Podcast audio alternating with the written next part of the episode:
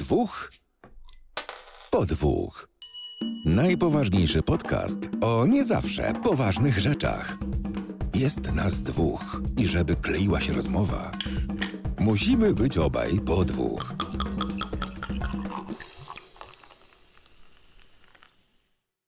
Witamy Was bardzo serdecznie w kolejnym 80. odcinku podcastu Dwóch po dwóch. I z racji tego, że ja jestem w koszuli, to zaczniemy to tak mocno, z przytupem, bo mamy gościa dzisiaj. Jest nas trzech, nie jest nas dwóch, ale zacznie, zaczniemy y, też tak y, standardowym przywitaniem, czyli po tej stronie Krzysiek, cześć, po drugiej stronie jest Adam. Siema. Cześć Adam, a naszym dzisiejszym gościem jest gość, który już u nas był. Y, mogę go dzisiaj przedstawić w taki sposób, że to jest pół shufflecast? Zdecydowanie. Chociaż patrząc, patrząc po tym, ile mnie jest, to mam wrażenie, że już dwie trzecie Shufflecast. Może i tak być, będzie. może i tak być. Cześć Sławku. Ale to jest, to jest ta lepsza, hej, hej. lepsza połowa. O, tak, tak, tak. Wa wagowo na pewno tak mawiają. Ja też, ja też twierdzę, że ja jestem, yy, znaczy powiedzmy, że ja wnoszę więcej do, do naszego podcastu, o, więc o, to tak. Ja jestem jak wiesz, jak jak e, no, nowy trener reprezentacji Polski, skończyły się czasy, że chude szkarady wchodzą teraz trzeba z grubej rury. Tak, tak, tak. Znaczy, tak no, znaczy, wszystko zależy od tego, no, mówią, że ciężar osoby jest też istotny, także tutaj y, ja rozumiem y, ten, no. Tak czy owak, ja się witam z szanownymi państwem i z szanownymi słuchaczami. I z widzami, bo to też będzie na YouTubie, jak zawsze. A no tak, zawsze zapominam, że z widzami. No właśnie. Muszę pamiętać, żeby, tak, żeby nie robić dziwnych rzeczy. Znaczy ja tak nie, jeszcze no spytam, spytam a propos, bo przy okazji naszych ostatnich rozmów, przy, przy okazji jak byliście gośćmi e, całym Shufflecastem, była mowa o tym, że planujecie e, wejście na e, wersję wideo, czy to tam... No tak, planujemy, planujemy, no i dalej planujemy. A, rozumiem, czyli, czyli plany są, Proces planowania cały czas trwa, oczywiście, tak, tak. Plany są, czyli jest super, właśnie Ja czytałem gdzieś na wykopie, że podobno Shufflecast od 500 odcinka ma dopiero z wideo wejść, więc... O, właśnie. Tak. Żeby było do, od okrągłego, no nie? E, ale no, słuchajcie. Miało minęło. Słuchajcie, ten e, tutaj zaproszenie Sławka do tego odcinka wcale nie jest takie przypadkowe. E, to jest, no już jakby nie patrzeć, weteran podcastowy. E, jak tutaj przed nagraniem e, powiedziałem, to jest też taki podcaster na pełen etat, bo nie dość, że dzisiaj udziela się razem z nami w tym odcinku 80, to jeszcze ma do ogarnięcia swój odcinek i gdzieś tam jeszcze w przyszłości dobre rzeczy, więc y, no jakby nie patrzeć jest y, po części autorem trzech podcastów y, w sieci, więc no sami rozumiecie, musi tutaj być, ale ma też taki telefon, który jest związany z naszym głównym tematem, ale do tego myślę, że zaraz przejdziemy. Adam, zaczynamy od newsów. Sławku, zaczynamy od newsów, czy zaczynamy od tego, co e, przed chwilą wyjąłem z lodówki? Um, jak wolicie, ja mam tylko, ja mam też pytanie do Adama zresztą, więc mm? ale to, to mogę, jeżeli mogę zacząć od razu, po, pozwolicie. Śmiało. Bo w, ostatnim, w ostatnim waszym odcinku wspominałeś o grze, którą byłeś już blisko przejścia. Jestem tak. ciekaw, czy ją przeszedłeś. Nie, jeszcze nie. Nadal jestem w tym samym miejscu, w którym byłem, jak, jak mówiłem. To może podaj tytuł, żeby nie było, że. E, gra, gra to jest Spiritfarer, którą e, Dokładnie. E, rozpocząłem na, mm, no powiedzmy, że w ramach polecajki e, Sławek sprzedał mi ten tytuł i odbić się od niego po prostu nie mogę już od dłuższego czasu. E, każdą wolną chwilę, a jest tych chwil niestety bardzo mało, spędzam przy tej, przy tej grze i powiem szczerze, że dawno nie byłem tak zauroczony tytułem. Nawet nie, nie, nie wiesz, jak bardzo mnie to cieszy, bo myślałem, że tylko ja jestem taki dziwny, że. No ale słuchaj, tytuły, ja, ja ostatnio biegasz... spędziłem dwie godziny na łowieniu ryb. No tam w ogóle jest masakra, tam wiesz, są takie gry. Nie wiem, czy kojarzycie Big Bang Theory. E, gra, mhm. no, raczej serial, który większość ludzi, no, no wiadomo, tak? I tam Sheldon mhm. miał taki w jednym z odcinków sobie w Red Dead Redemption po prostu spacerował, tak, bo potrzebował się przejść, od, oczyścić umysł, więc sobie w ramach spaceru po prostu chodził po ten. I dla mnie Spiritfarer jest podobnym typem gry, to znaczy czasami włączasz i masz ochotę sobie po prostu pochodzić. I znaczy, to... ja dawno nie grałem w nic tak y, niestresującego. To jest gra, w której A, nic no. nie musimy tak naprawdę. Tak zwana sobie... gra o niczym.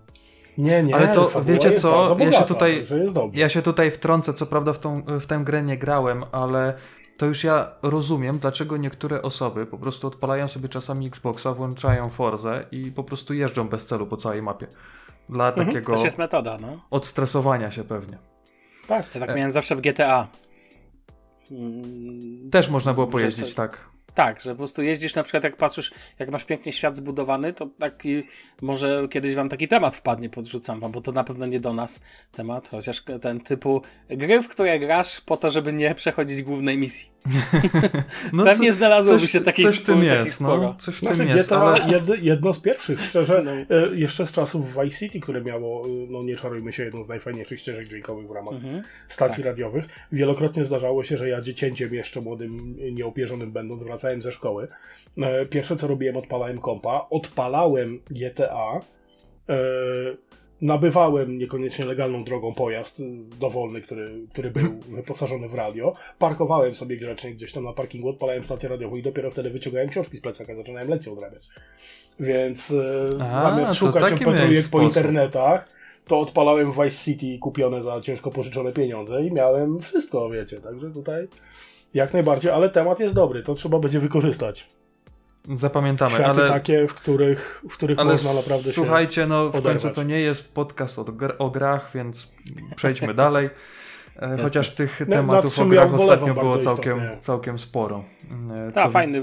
Muszę tylko powiedzieć, że super wam wszedł ten odcinek o, o najlepszych tekstach e, z gier.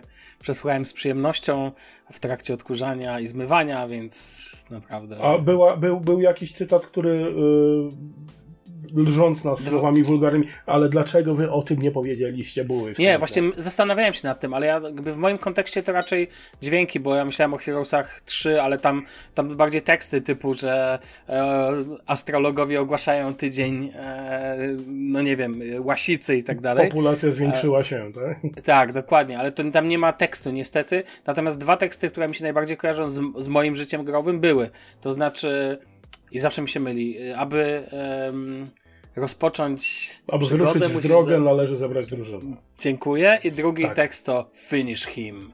I to jest e, dla mnie dwa takie, jeżeli chodzi o wypowiedziane e, cytaty, to. A one obydwa były, więc ten. Chociaż na pewno nie zgodzę się, że ten pierwszy tekst jest elementem jakby interfejsu, bo tam coś takie, chyba Krzysiek to powiedziałeś, Mhm. więc ja pozwolę sobie tylko, mam okazję, to, e, to powiem zdanie odrębne. Uważam, że to jest normalnie cytat z gry. W sensie, No dobra, ja się przyznam, zhańbiłem się strasznie.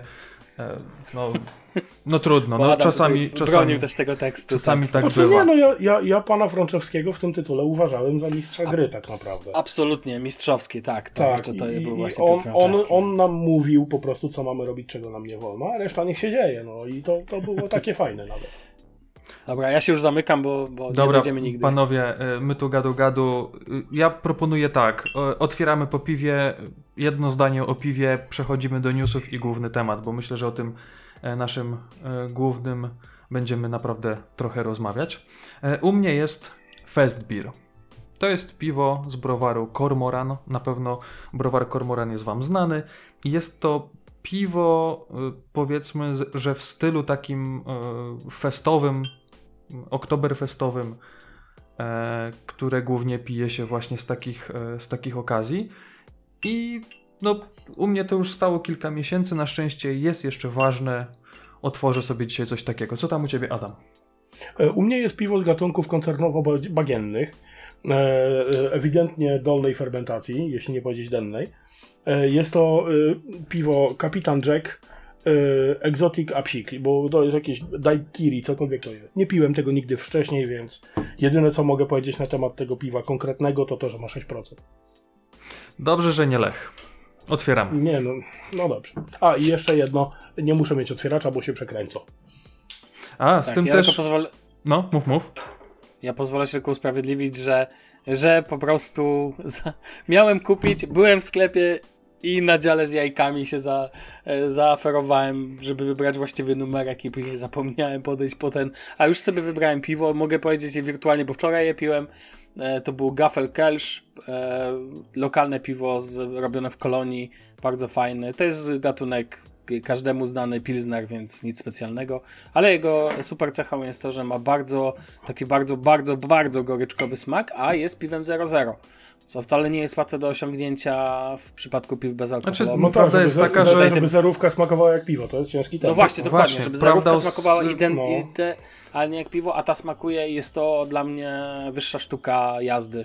Bo uważam, że najlepszym piwem prawie bezalkoholowym w Polsce dostępnym jest e, ten 1 na 100, chyba to jest. E, Też Kormoran. Jak się nazywa Kormoran. I na przykład to jest piwo też zbliżone do ideału, jeżeli chodzi o oddanie identyczności smaku względem piwa alkoholowego. No. Ale ostatnio niestety się w Polsce naprawdę sporo pozmieniało i powiedzmy, że w ciągu ostatnich dwóch lat to już te piwa zero są naprawdę e, bliskie, Tak, tak, bliskie tak, sma- tak, tak. Smako, e, smaku takiego Nie- zwykłego piwa.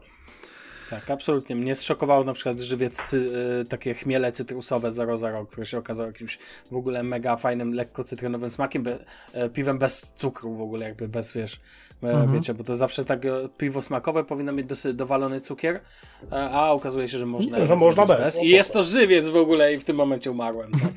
Myślałem, że... Ja, ja w ogóle zbezcześciłem to piwo, bo przelałem je do zwykłego kubka, bo nie mam, nie mam kufla. Stłukłem niestety, więc najzwyklejszy, piwo. najzwyklejszy w świecie kubek. A mam do was tylko szybkie pytanie a propos piw. Czy pijacie piwo z lodem? Rzadko. Nie, ja nie przypominam sobie. Chyba, że w sytuacji takiej, że na przykład, no może nie podczas nagrywania podcastu, bo to się jeszcze nie zdarzyło, ale gdzieś wieczorem, jak chcę sobie piwo szybciej zmrozić, to albo je wrzucam do zamrażarki e, owinięte mokrym papierem, Mhm. albo po prostu wrzucam na chwilę i potem jeszcze tam z, chociaż z jedną kostkę dorzucę sobie tego lodu, więc, ale to bardzo, bardzo rzadko, bardzo rzadko. Ja uważam, że to właśnie widzę nawet tu opinie tekstowe, że to jest bardzo kontrowersyjny temat. Mam wrażenie, że są ludzie, którzy piją piwo z lodem i mam wrażenie, że to jest, e, to jest tak szokujące, że o matko, ale jak piwo z lodem można w ogóle wypić, nie? To jest O, jakaś w ogóle wyższa... Znaczy, no, no- jasne, że można. Można, Znaczy, można, ja, no ja to... ostatnie kilka lat y, wyrastam z takiego, mm, powiedzmy, że piwnego puryzmu e, i y, nie wiem, czy to za namową Arnolda Schwarzeneggera zacząłem Radlery tam bardzo istotnie kosztować. E, I jeżeli jest tak jak w lipcu tego roku ukrop z nieba lejący się w temperaturach zbliżonych do piekarnika, to taki radlerek z takim lodzikiem w środku to jest, to jest dobrze. Dwie kosteczki nie więcej i to jest na, naprawdę szalenie orzeźwiające. To No tak, mówię, ale- rzadko. ale- W duże upały jak najbardziej. Tylko czy Radler to piwo? To jest kolejna kontrowersja. To, to jest Radler bardzo- to jest w ogóle szw- w- to jest szwajcarski pomysł na orężadę z piwem. To, to nie jest taki miks, to jest w ogóle szwajcarski produkt oryginalnie. Mhm. Ale sobie później po prostu No ale słuchajcie, no możecie, nazwę. możecie wypić na przykład taki upalny dzień 4 czy 5 ladre, radlerków, a jakby się wypiło takie normalne piwa w takiej ilości, no to już nie do końca by się dzień zakończył po naszej myśli, więc no... Znaczy nie, zakończyłby się po prostu. Bo ja po czterech czy pięciu wupał to Gdzieś by się chłopie, zakończył, nie? no. I Tak. tyle by było, nie? Poszedłbyś spać o 16, byś się obudził o 23 i co byś dalej robił? No co, no bym kontemplował podróż w czasie, jaką odbyłem. No dobrze. No. To jest, Ja tylko mała poprawka, Radler tu według Wikipedii jest niemiecki, a nie szwajcarski, ale to tylko pro forma. No tam blisko. Ja słyszałem, że szwajcarski. Dobra, Ten sam język. panowie, e, przejdźmy może do takiego szybkiego newsa.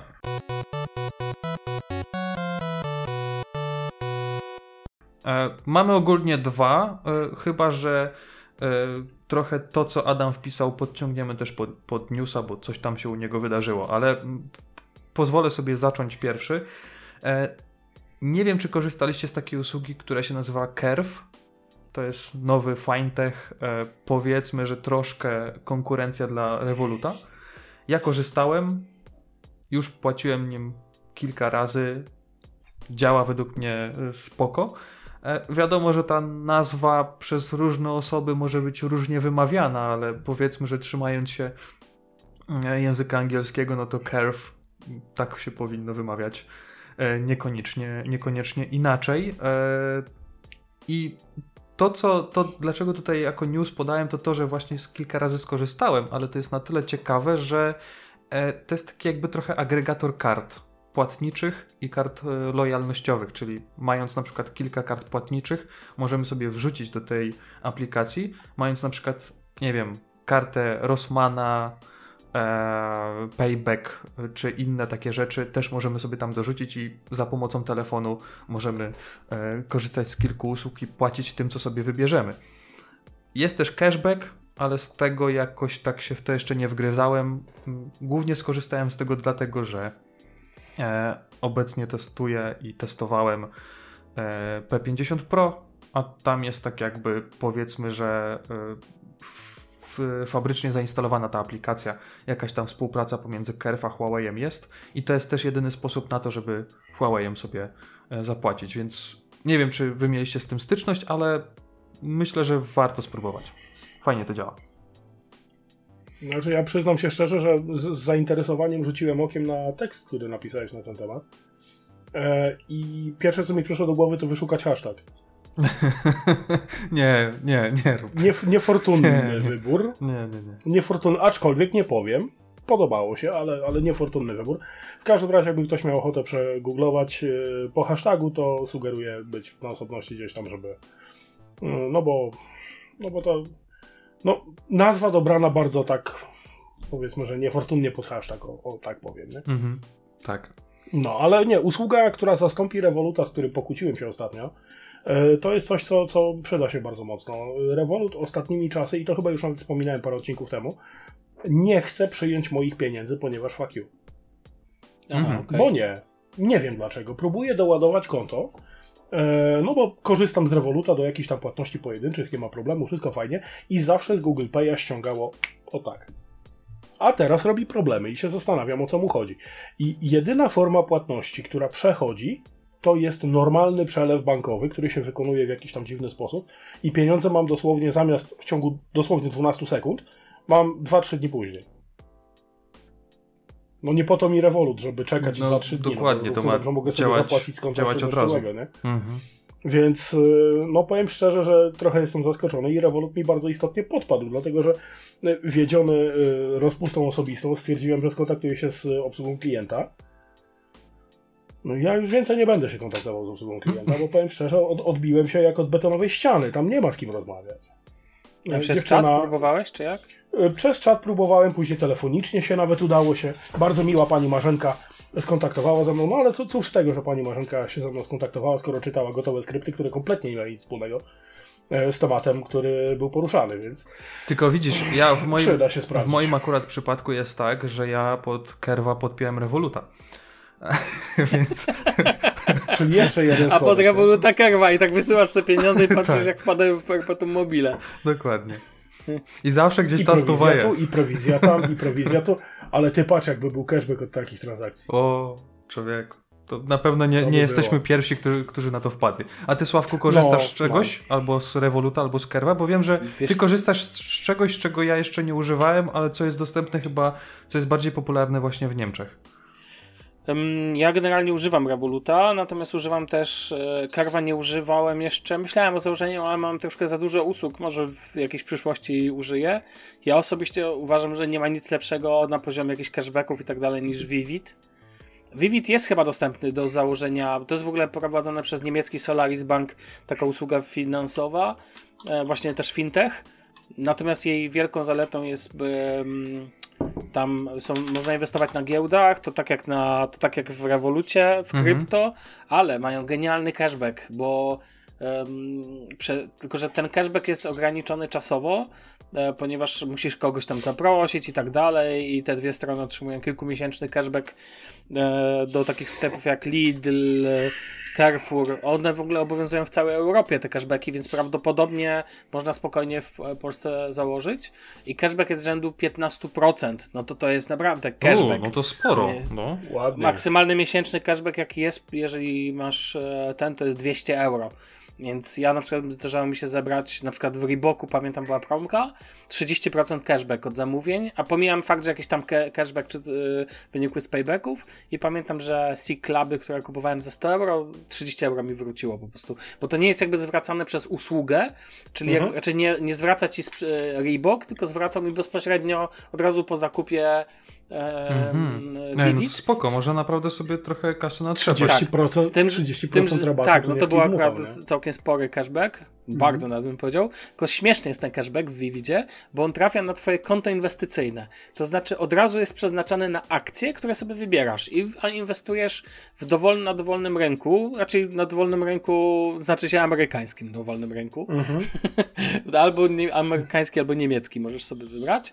I na przykład ja wtedy pamiętam, że wszystkie, cały hajs pakowałem w Apple. Wstyd się przyznać, ale wiedziałem, że to jest pewny jakby, wiedziałem, że na pewno będzie rosło, tak, więc jakby e, ten i po prostu wypłacasz w dowolnym momencie, jakby jest na to, jest to tworzone subkonto specjalnie e, i po prostu później możesz sobie to przelać na swoje konto w dowolnym momencie.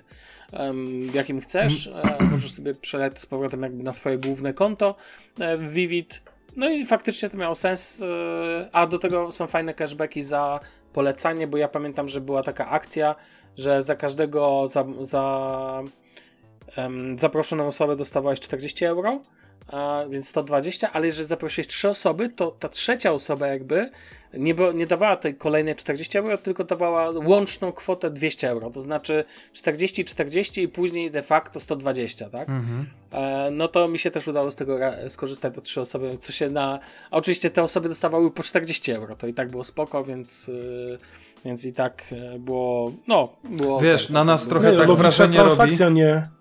Logiczna transakcja, nie łapanie Pokemonów, także to też. Na nas to wrażenie robi, bo wiesz, ty mówisz tutaj operujesz w euro, więc dla nas 40 euro to jest sporo, dla ciebie to jest powiedzmy, No że... nie, no, no wiesz, no, no, dla mnie też to jest sporo, tak? Ale Jakby- przelicznik powiedzmy jest taki, że 40 euro w Niemczech to jest 40 zł w Polsce, nie? Więc no 40 zł na tobie jakoś tak wrażenia nie robi.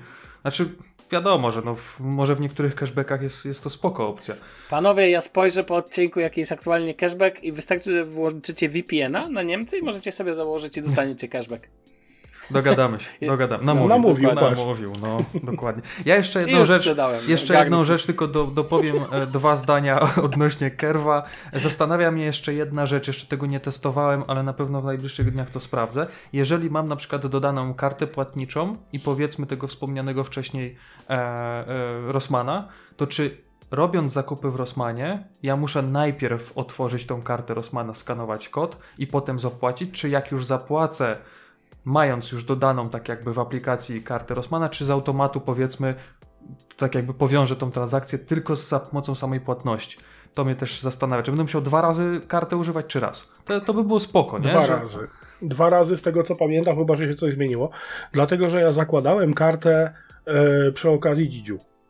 Mhm. Bo tam był jakiś, e, to jakieś turbo promocje na pieluszki, jakieś takie rzeczy. Ha, byłem No i ten. myślałem, że to jakaś nazwa instytucji. Nie, nie, nie. nie. Nie, jak się, jak się córa urodziła, to no, trzeba było. E, w związku z tym, no powiedzmy, że, że zgłębiłem temat troszkę bardziej. To Ale był nowy e, fintech dla matek w Polsce. Dzidziu. Tak, nie, mu- musiałem, musiałem dwukrotnie, bo y, założyłem kartę, teoretycznie założyłem kartę, dostałem od szalenie miłej pani y, kartę na y, zakończenie transakcji. Ona ją piknęła, ale to nic nie dało. Dopiero jak zarejestrowałem kartę, tam maile, nie maile, cuda dane pod, popodawałem, dopiero przy następnych zakupach, notabene chyba następnego dnia, e, dopiero jakieś tam punkty się naliczyły. To zniżka się naliczyła w ogóle, nie? Także chyba, że coś się zmieniło, chyba, że to jest jakiś inny, inny typ karty, ale Zobaczę, tutaj no. no, był. Według mnie na pewno byłoby to dużo, dużo wygodniejsze, bo wtedy byś no, nie żonglował tymi kartami w sklepie. No ale tak jak mówię, no ja to sprawdzałem tak dobre 5 lat temu, więc teraz. Dobra, Adam, co tam się zadziało z tymi kurierami u ciebie? Powiedz. W ogóle ja jestem zaskoczony.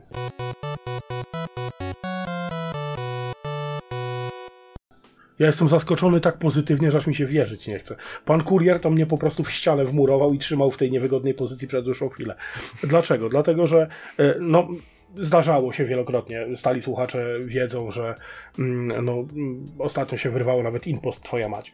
E, Ja z kurierami staram się żyć w zgodzie zawsze, bo wiem jak ciężką robotę mają, no ale czasem no, się, nie, się po prostu się nie da. No ale myślę, dobra, niech będzie.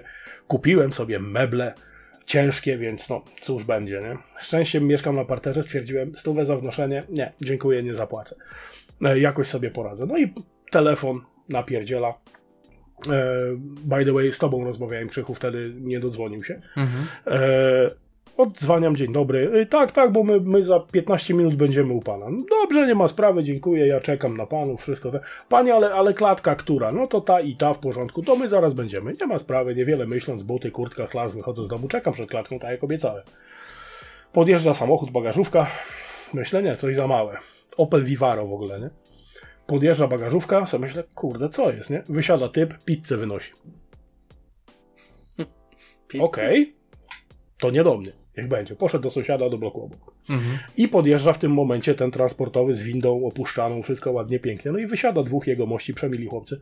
I tak patrzą się na tego gościa z tą pizzą jak na zielonego kota, nie? I tak na mnie, na tego typa, na mnie, na tego typa. I jeden z nich taki, powiedzmy, że nieco młodszy i nie wyglądał na, e, no na kujona nie wyglądał. Przemiły chłopak, ale no powiedzmy, że tam no nie o wszystkim byśmy mogli podyskutować. Popatrzył się na, popatrzył się na mnie i tak mówi do tego, ty, pan obiecał, że będzie czekał i czeka. Ty nie wierzę. Ja takie oczy, no dobra, niech będzie, nie? A potem w tym samym toku myślowym, nie? Kurwa, ile oni mają zamówień, że takim forum pójdę wolą? Mówię, no dobra, niech mu będzie, no ile mają zamówień, że ciężarówka potrzebna, w porządku, nie? No i tam od słowa do słowa, panowie, oczywiście, tak, tak, tutaj, to, tyle, tyle paczek, wszystko tego. No i ten, i oni tak patrzą się na mnie tacy zdziwieni, nie? Ale nie wiem, to ja zrobiłem coś nie tak, powiedziałem coś nie tak? On tak popatrzył na mnie, nie, wie pan co, bo pan jest miły.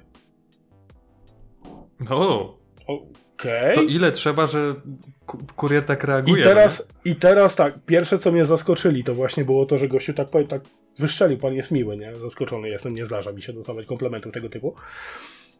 Moja wina, ej, ale, ale dobra. I, mówi, bo, I w tym momencie zaczęły się schody, bo, bo gościu chciał powiedzieć, jak straszną klientkę miał wcześniej. Bo wie pan, my od jednej pani właśnie jedziemy. A ja będąc w obsłudze klienta, no to mniej więcej wiem, jak to działa. Mówię, no, no i co, cię, ciężki temat, co? I widzę, że gościu musi wyrzucić z siebie, jaką bułę trafił. Jaka to było sucysko, że ona mu tam musiała strasznie za skórę zaleźć, no ale z drugiej strony źle mówić o klientach się nie godzi. Jak on się mentalnie gimnastykował, żeby nie wyzwać tej kobiety. Ja mówię, nie no, bo wie, pani miała chyba trudny dzień, bo była taka zgorzkniała trochę, coś tego, nie? No, oczywiście parafrazuję, bo on to, to ubrał bardzo kwieciście w słowa. E, ja mówię, co, trafiliście taką pindę, że, że dała wam popalić? No pan to powiedział, bo tego, nie? Jak mi się podobało, że on nie powiedział złego słowa na jakąś pindę, która mu zrobiła koło dupy, to jest jedno. A drugie, gościu do mnie, ale y, pan to na parterze? Ja mówię, tak, oczywiście panowie rzućcie tutaj, bo to podjechali pod klatkę. Oprzemy o ścianę, ja sobie wniosę, nie? Nie, nie, my wniesiemy. Okej, dziękuję, ale ja nie zapłaciłem za usługę wniesienia. Pan jest miły. No widzisz. No po prostu mi się Czyli na można. serduszku ciepło zrobiło. Panowie, panowie nie dość, że zachowali się bardzo kulturalnie, nie jadąc po poprzedniej klientce, która ewidentnie zalazła im za skórę, to jeszcze y, udzielili mi usługi za 100 zł. Także panowie kurierzy z Ikei, y, bardzo dziękuję, pozdrawiam. Ale w Będę sumie, następnym razem w też. sumie, z drugiej strony, jeżeli masz blok powiedzmy pięciopiętrowy, może się Mhm. takie zdarzają, to jak to się ma, że stówę płacisz zarówno na parterze, jak i na piątym piętrze? A to Tak już pytanie do Ikei. No właśnie. E, Nie, wniesienie kosztuje, tak czy siak. No, jeżeli życzysz sobie, żeby ci przynieśli to nawet z samochodu do klatki, z tego co ja się orientuję, no to ten, bo to wygląda de facto tak, że po prostu tak jak ostatnio kupowałem coś właśnie w Ikei, jakieś duże, duże rzeczy, podjechali, na windzie brr, zjechał, paleciakiem pieprzą pod drzwiami, siad pojechał, bez słowa. A teraz panowie byli bardzo mili, bardzo kochani. Taka mała sugestia, no bądźmy mili dla kurierów, szczególnie z Ikei, no jestem bardzo zaskoczony. Pomogli mi, no, No tak. ważył 57 kilo, no bez przesady, no także jest Jezu, do przodu. ty stół zamawiasz? 57 kilo, nieźle. z marmuru. Wow. Nie, w Ikei z marmuru, tak, krawężnik jest pod, pod parkingiem. Papierowy marbur. Tak, tak. Okleina marmurowa, w środku Tak, plaster miodu. tak, marmurek to jest ten, ciasto biszkoptowe przyniosła kiedyś pani sąsiadka, no. Marmurkowe. No, Dobra. Także dzisiaj miałem bardzo, bardzo przyjemny dzień, jeżeli chodzi o takie rzeczy, także pozdrawiamy kurierów. Panowie, ja korzystając jeszcze z tej minuty, mm, tutaj mm, tak jakby zbliżając się do połowy e, godziny, to ja wam jeszcze tylko zarzucę temat, na który trafiłem e, dosłownie przed odcinkiem i tutaj e, na zaprzyjaźnionym tabletowo przeczytałem o laptopie, który w ogóle nie ma żadnych portów, żadnych złączy. I jest od Apple'a. Nie. Jest od nie. Apple'a, no Akurat Jest y, pewna firma, której kompletnie nie znałem, to też jest coś, coś nowego, która Apple'a wyprzedziła w tych, tych fantastycznych decyzjach. E, I wyobraźcie sobie, że ja myślałem, że mamy 1 kwietnia, ale no, no nie, jest coś takiego. Nazywa się, żebym tutaj nie palnął i pewnie i tak źle to wypowiem, bo pierwszy raz to widzę. Crowp, może tak to się jakoś wymawia, Crowp X. Możecie sobie zobaczyć na portalu, o którym wspomniałem. I ogólnie Brzmi jest to... X. Tak, jest to, jest to laptop, który ma 7 mm grubości. Wow. Nie ma nic. I można oczywiście dodać do niego kilka USB, czytnik kart pamięci. I tutaj też zajebiście to zrobili. Jest magnetyczna, e, taka można by powiedzieć prawie MagSafe'owa, e, jakiś hub taki, który się dopina z tyłu do urządzenia automatycznie ładuje ci tego laptopa bezprzewodowo i w tym hubie masz kilka złącz portów. USB-A, no, USB-C, Thunderbolt i czytnik kart SD. No, wszystko co potrzebujesz. Właśnie sobie to, właśnie sobie to oglądam. Wizualnie wy wygląda, wizualnie wygląda to pięknie. I, oczywiście, w sensie... mnie też się bardzo podoba i powiem wam, że jak na początku myślałem, że to jest coś głupiego, tak teraz y, stwierdzam, że chciałbym. Chciałbym to mieć. Poważnie. Znaczy, jest... ja tutaj a propos mojego uwielbienia do Apple'a, e, ja wiem, że Apple bardzo mocno się starało, żeby takie coś cieniusieńkiego, bezramkowego zrobić. Mhm. Te, tam, tam ludziom za R&D, jak to zobaczyli na rynku, kurde, to wody odeszły, jak słowo daje. Dokładnie, to jest, to jest grubości, grubości grudniowego City Action, więc naprawdę no, no. powiem wam, że naprawdę y, trochę mnie tutaj e, zalatuje laptopami od HPK, nie wiem dlaczego, ale, ale ogólnie wygląda to naprawdę dobrze. E, jedyna rzecz, która mnie zastanawia, to to, jaka jest bateria, czy to pół godziny wytrzyma na baterii w ogóle, jak szybko się ładuje, to też jest ważne, i jak jest wytrzymałe, bo no 7 mm wielkości laptopa to no, nie chciałbym tego krzywo do torby wsadzić. Tak bym wam powiedział. No ale z tego co czytam tutaj po specyfikacji, to będzie 12 generacja Intela, nawet 32 GB RAMu i dwuterowy dysk. Ale no to, to będzie dysk drogie. to nie jest problem ale throttling to musi mieć straszny.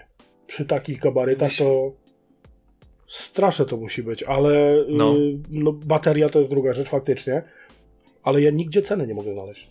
No bo jeszcze nie ma ale... ceny. A, no, to wiele wyjaśnia. Widzieliście jaki ma być ekran? Rozdzielczość? Mhm.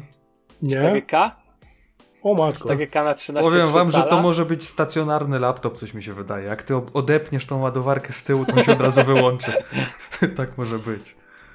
E, to teraz widziałem na The Verge też e, ten laptop od MSI, e, który jako pierwszy jest prezentacją możliwości 12 generacji Intela, które dogania spokojnie MacBooki z M1 na, jeżeli chodzi o tak zwaną produktywność, tą magiczną, czyli szybkość renderu filmów i tak dalej. I tutaj podejrzewam, tutaj podejrzewam jednak, że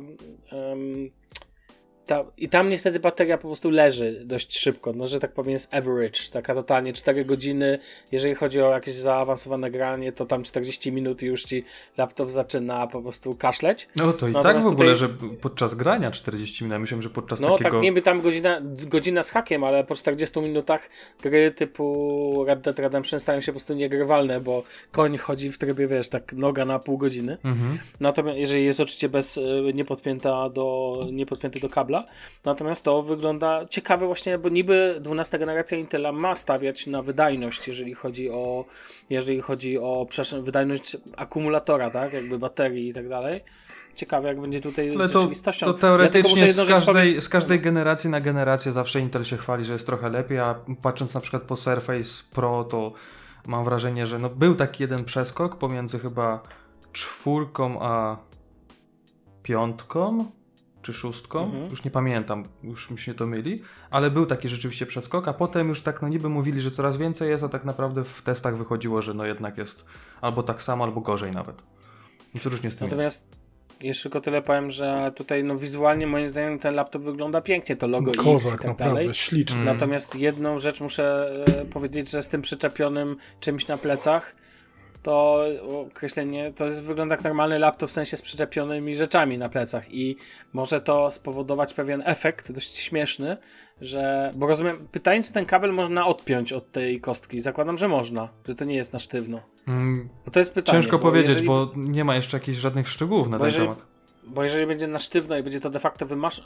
A nie, no to no, jeżeli będzie wymuszać to od ciebie jakby w tym momencie em, też jakby ładowanie w momencie, jak chcesz używać przysłowiowego pendrive'a, to, to tak bez sensu, w sensie, bo to oznacza, że musisz ładować, kiedy używasz pendrive'a, tak? Mhm, jakby, mhm. Jeżeli kabel jest przyczepiony na sztywno. Pytanie, jak to rozwiążą, ale no jedno jest pewne. Adam, ty chyba powiedziałeś, ile to, kosztu, ile to będzie kosztować i powiem wam, że to na pewno będzie kosztować kosmiczne pieniądze, patrząc po Tak, i e, specyfikacji. też z takiego stricte technicznego punktu widzenia, jeżeli tam ma być 32 giga dostępne w opcji e, DDR5, dwuterowy PCIe i to ma No to 7 mm, czym oni to będą chłodzić? Ale 12 wiesz, no- generacja to się wścieknie przecież w takiej obudowie. No właśnie to niby ma być, wiesz, no niby 12 generacja właśnie ma stawiać na to. Znaczy tak, tu procesor, y, głównie procesor by się grzał w takiej konstrukcji. E, Dysk może też, bo to naprawdę może być szybki dysk, ale no pewnie aluminiowa obudowa, więc on całościowo będzie po prostu odprowadzał to ciepło, coś mi się wydaje. On tego nie dotkniesz, Znaczy to ma być, ale dobra, to ma mniejsza, być z. Irisem. Moment, Tak, jeszcze- póki mogą, to oni też dadzą radę. No. No, Ale wizualnie tak. zapowiada się ładnie. Tylko zwróćcie uwagę jeszcze na, na to jedno, tak już kończąc od siebie tylko, że bo nie, ten ekran wygląda tu pięknie. Fenomenalnie, w sensie, naprawdę. Z przodu, z przodu jakby ten, tylko że to są, wiecie, to są materiały marketingowe, nie? Mhm. A rzeczywistość to jest jeszcze, jak zobaczę, to uwierzę. O tak, o tak, tak, dokładnie. wyglądać. Często w Chińczykach się tak zdarza, że na renderach jedna, a potem widzi, że ma pół, pół centymetra większą ramkę wokół ekranu niż No i niż to już było. zmienia zupełnie postać rzeczy, tak? Mhm. A ta dziurka w ekranie to jest tak naprawdę taka wielka locha. No Dokładnie. i ten. Razem z szczytnikiem linii papilarnych. Nie, dobra, panowie, przechodzimy do głównego tematu.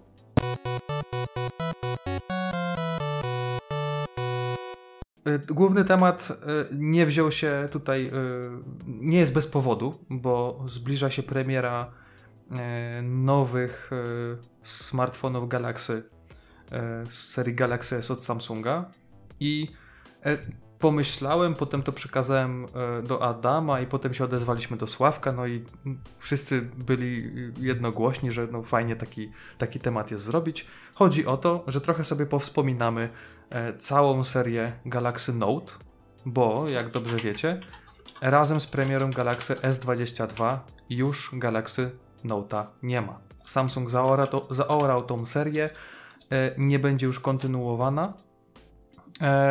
Mam pewne przemyślenia dlaczego i po co, ale to myślę, że w tej rozmowie tutaj e, będziemy w stanie jakoś e, wyjaśnić, dopowiedzieć, jakieś nasze przemyślenia rzucić. A Sławek jest z nami dlatego, że sam od e, dłuższego czasu używa Galaxy Note 20. Chyba Ultra nawet, no nie? Jak dobrze pamiętam. Tak, ultra. Mhm. I też myślę, że jest w stanie nam powiedzieć e, trochę o tym e, smartfonie, jak mu się używa. Zresztą, jak być może słuchaliście jakichś ostatnich odcinków Shufflecastu, tam też e, była mowa o tym, jak, jak mu się z tego korzysta. Ale ja zacznę trochę tak od drugiej strony, czyli od pierwszego Galaxy Note'a, czyli cofnijmy się do roku 2011 do września. No i wtedy Ja pojawił się się... rozsiadam już tak, już się rozsiadam, zapowiada się piękna historia. Wtedy się y, pojawił Galaxy Note, czyli pierwszy twór z tej całej serii e, nowych, jak to wtedy mówili, e, tabletofonów albo fabletów, tak? Tak, fablety, tak. tak na- to, to, to straszna nazwa. To jest coś takiego, jakby ktoś miał e, naprawdę. Fablet. Tak, tak. Fablet, tak. Też, też można tak było, ale to jest takie, nie wiem, takie jakby ktoś obrażał ten telefon, tak mi się wydaje, no nie? E, ale już mniejsza o to o nazwę, pojawił się Galaxy Note i wtedy to było takie trochę wow ze względu na to, że on, jak na tamte czasy, miał ponad 5-calowy ekran. 5,3 cala. dokładnie. No. Gigant w ogóle, patelnia przy głowie, kto to widział? nie? Patelnia. Co się wtedy działo, nie? Co się wtedy działo, że jak, to, jak telefon może mieć cokolwiek więcej niż 4? 4 cale, nie? E, no bo tutaj ja próbowałem sobie przed tym odcinkiem sprawdzić, jakie telefony wychodziły w 2011 roku. i była to na przykład Nokia Lumia 800. Tam chyba było 3,5 cala. E, był Galaxy S2, w ogóle legendarny telefon e, od Samsunga, który też miał dużo, dużo mniejszy, telef- dużo, dużo mniejszy ekran niż Miałem. E, 4,5 tam chyba było. Do dzisiaj leży w szufladzie gdzieś tam. U mnie też leży w szufladzie. Uwielbiałem ten telefon. I w tym roku miał też premierę jeden chyba z fajniejszych w tamtym czasie telefonów, czyli Galaxy Nexus. Też można powiedzieć, że kultowy, e, kultowy smartfon, który miał e, 4,6 chyba, czy coś takiego, jeśli chodzi o to. Na pewno nie żaden z nich nie przekroczył 5 cali. Żaden z nich. Więc tutaj no, naprawdę była, e, jak na tamte czasy, solidna e, e, taka paletka do ping-ponga. I ja szczerze powiedziawszy, wtedy nie pamiętam na jakim telefonie działałem, bo to się dosyć szybko zmieniało, ale na pewno pierwszego Note'a nie miałem. Moja przygoda z Note'em zaczęła się od drugiego Note'a i wiem, że miałem Galaxy S3, więc to było urządzenie, które się pojawiło przed Note'em dwójką. Mm, czy nie? Tak, chyba tak. Dobra, nieważne. To też y, wybaczcie, jeżeli pomieszamy jakieś daty, jeżeli pomieszamy jakieś informacje, to y, nie miejcie nam tego za złe, po prostu napiszcie w komentarzach, że było jednak inaczej, bo my też tego nie mówimy z pamięci, coś tam wiemy, mamy jakieś przemyślenia, ale to są bardziej nasze historie na przykład związane z tym, z tym urządzeniem, niż to, ile powiedzmy Galaxy Note 5 miał RAMu, jeżeli uruchomiliśmy asfalta na przykład, nie? No to, to rozumiecie, no nie? Eee, Znaczy tutaj jest, jest dosyć ciekawa informacja też w necie, jak bardzo Samsung chwalił się popularnością tego modelu, że to się sprzedało w ciągu e, tam chyba półtora roku w, w 10 milionów egzemplarzy. To jak na tamte czasy to chyba nie był wcale taki zły wynik, nie? Nie, no pewnie, jak już coś taki wynik miało, to naprawdę, naprawdę można było się pochwalić. I w sumie, no, jak się okazało, no wcale ten pomysł z Galaxy Note'em nie był głupi, bo pojawił się Mhm. następca, czyli pojawił się Galaxy Note 2. E, I to był pierwszy telefon z tej serii, który ja osobiście y, używałem i uwaga, może was to y, zaskoczyć, próbowałem kupić go dwa razy. I tu jest, tu jest pierwsza anegdota, o której chcę wam wspomnieć. E, Raz kupiłem go na Allegro. E, Wtedy pamiętam, że to była licytacja. E, Chociaż nie, nie licytacja. To było coś takiego, że e, e, tak jakby oferta e, była wystawiana za jakąś cenę. Ja dogadałem się, że by jednak e, zmniejszyć tą cenę, ale zapłaciłem tą cenę, którą, że tak powiem, kupujący chciał. No, takie były czasy, można było się dogadać. Ale działał już wtedy program ochrony kupujących.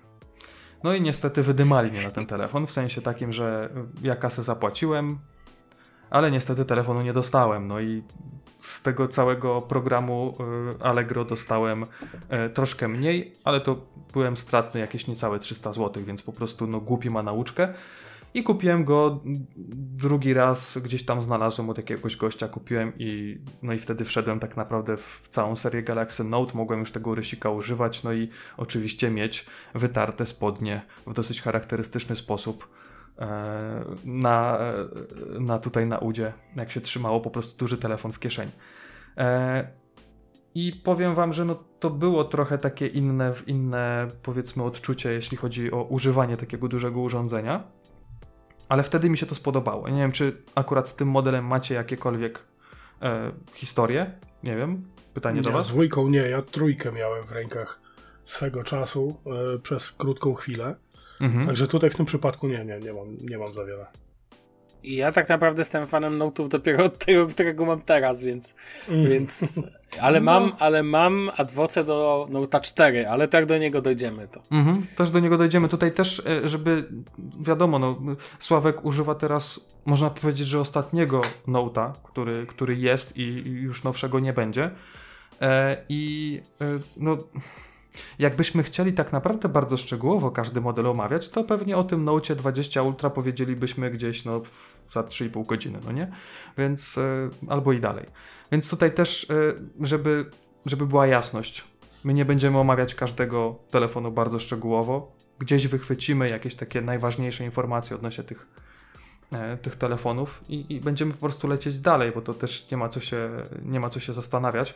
Z tego, co ja mogę jeszcze dodać do Note'a 2, to tam Samsung, jak dobrze kojarzę, e, chyba e, tak najbardziej się tutaj e, chwalił tym, że rysik e, została tak jakby udoskonalona jego czułość. Tam było 1024 poziomy nacisku na ekran. No i to tak naprawdę robiło robotę, bo ten rysik był dużo bardziej czuły, dużo bardziej taki przypominający powiedzmy pisanie ołówkiem po ekranie, chociaż jakbym teraz pewnie porównał Note 2 do Note 20, no to by była kolosalna różnica, jeśli chodzi o, o akurat tą funkcję. I w zasadzie tyle. No wiadomo, że na takim dużym ekranie można było uruchomić dwie aplikacje na raz. No to od tego chyba to urządzenie było. No, no, no i, i co? Też. No dokładnie. No. Potem był Note 3. To wiadomo, tak, co, roku, co roku wychodziło. No i oj, myślę, że Note o tym. to było to.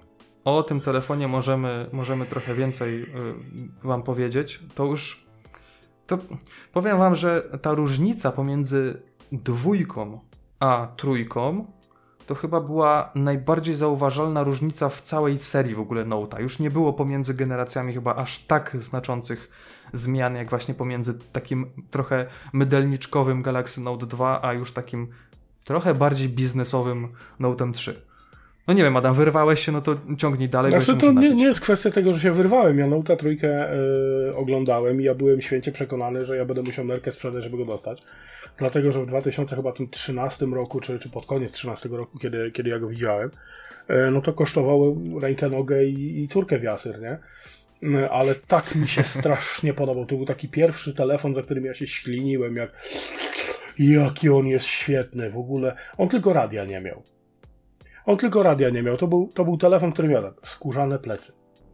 Znaczy pseudo skórzane, Wiesz, wyglądały tak, skórzane. Ale, no. ale skórzane plecy miał.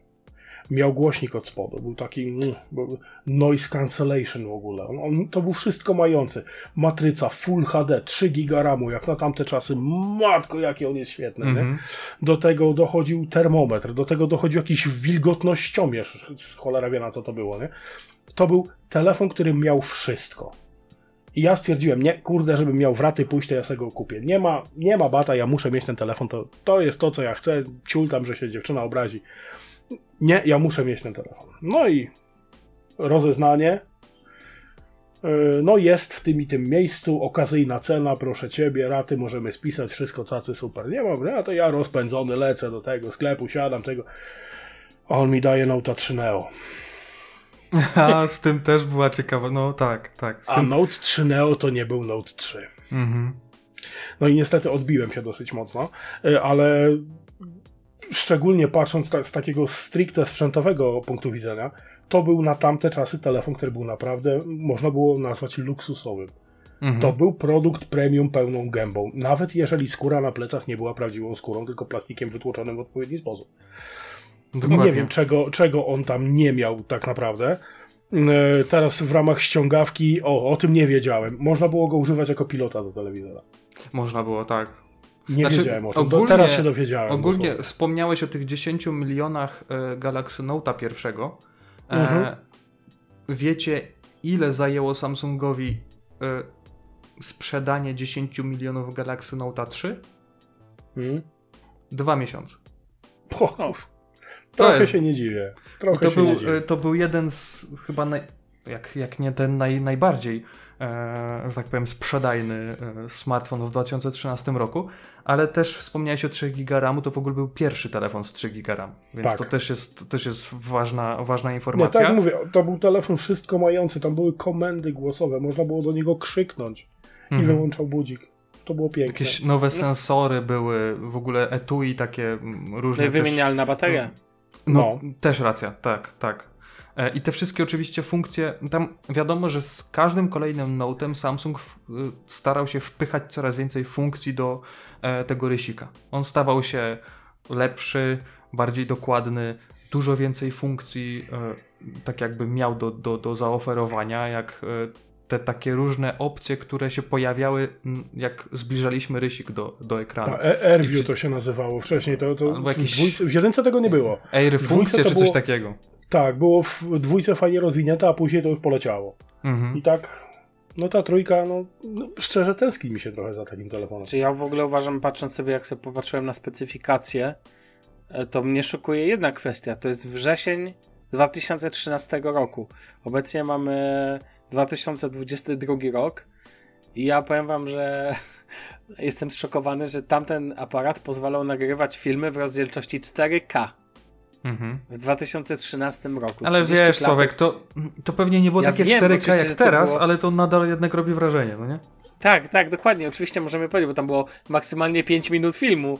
Można było nagrać. No tak, ale, fu- ale wiesz, jeszcze do Ale, tego ale dołóż- nieważne, 4K jest, jest. Tak, Sławek. i Full HD w 60 klatkach, nie 30. Sławek, to ja też nie chcę tutaj, No. ja nie chcę tutaj być złośliwy, ale niektóre telefony nagrywając w 4K Sony, to do tych 5 minut nawet nie dobijały, bo się wyłączały wcześniej, więc w sumie A można było przynajmniej jajko usmażyć na pleckach. Tak. tak, tak.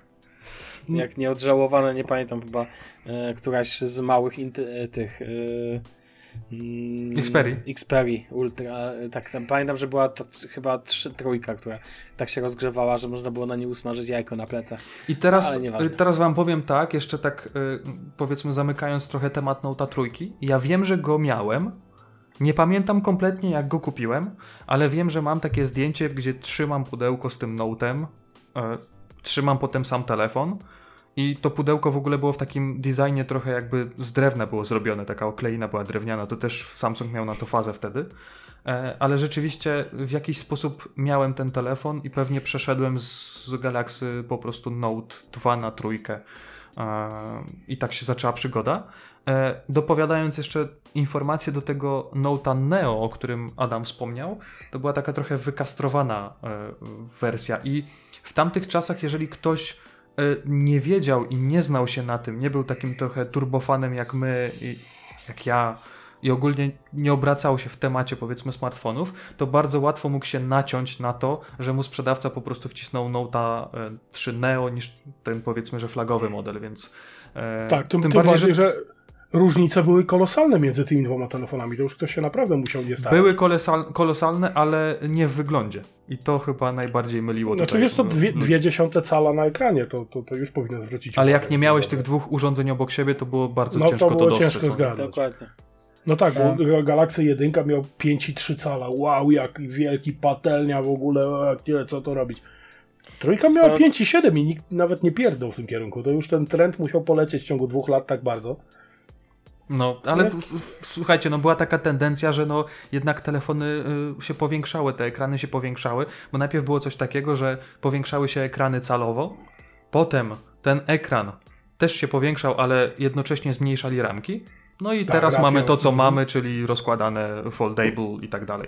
Więc, y, więc tak to mniej więcej jednym zdaniem można podsumować tą, tą powiedzmy... Ja swoją drogą, swoją drogą muszę powiedzieć, że chciałbym poznać e, tego designera z tamtych czasów Samsunga, właściwie nie designera, tylko to, co brał, bo plastikowe plecki ze skóry, i, e, że, przepraszam, skórzane plecki z plastiku plus drewniane opakowanie, to naprawdę trzeba było mieć grubo w, różnych miejscach albo być na niezłym tym, na niezłej fazie, żeby to wymyślić. Ale czekaj, czekaj, czy tutaj nie mamy takiego jakby koła, że w, w ostatnim Nocie, w jednym z ostatnich Note'ów było tak, chociaż nie, to było chyba przy Galaxy S20 FE, że Samsung mówił, że on ma plastikowe szkło, czy coś takiego?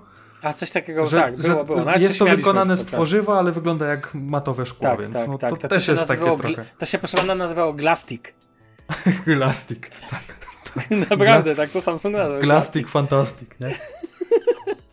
Wy, czyli coś jak plastik, ale jednak e, szkło. No nie będzie. tak. Więc, a co ja się będę, słuchajcie, w, nowym e, te, telewizorze, który kupiłem, jest e, skórzany pilot, to to już nic mnie nie zaskoczy. Mmm, to taki burżuj. No słuchaj, pod, podaruj sobie odrobinę luksusu. Wiesz. Tak, dokładnie. Okej, no i przechodzimy do jednego z, ciekaw z ciekawszych chyba urządzeń, jeśli chodzi o całą serię, czyli Galaxy Note 4. To mamy 2014 rok e, i tutaj też mamy tak, że y, ogólnie jeszcze mówiąc tak jakby o wszystkich urządzeniach Galaxy Note, e, to zawsze było tak, że to oczekiwanie na Note'a było większe, bo on się pojawiał pod koniec roku, on na pewno miał coś lepiej niż e, seria Galaxy S. Zazwyczaj to był aparat, e, większy ekran, funkcje wiadomo rysika, ale też na przykład procesor i zawsze to oczekiwanie było takie, przynajmniej dla mnie, dużo, dużo bardziej emocjonujące, że kurczę, ten wrzesień, zaraz pokażą coś naprawdę takiego, że zaorają cały rok i to będzie najlepszy, najlepszy telefon. I poniekąd Galaxy Note 4 y, taki rzeczywiście był. I y, wiem, Sławku, że ty chcesz coś powiedzieć na ten temat, więc. Y, tak. Więc śmiało, ja potem dopowiem swoje. Okej, okay, to ja mam tak naprawdę relację od osoby, która go miała i go kochała, a tą osobą był właśnie Damian, który, czyli druga część podcastu Shufflecast.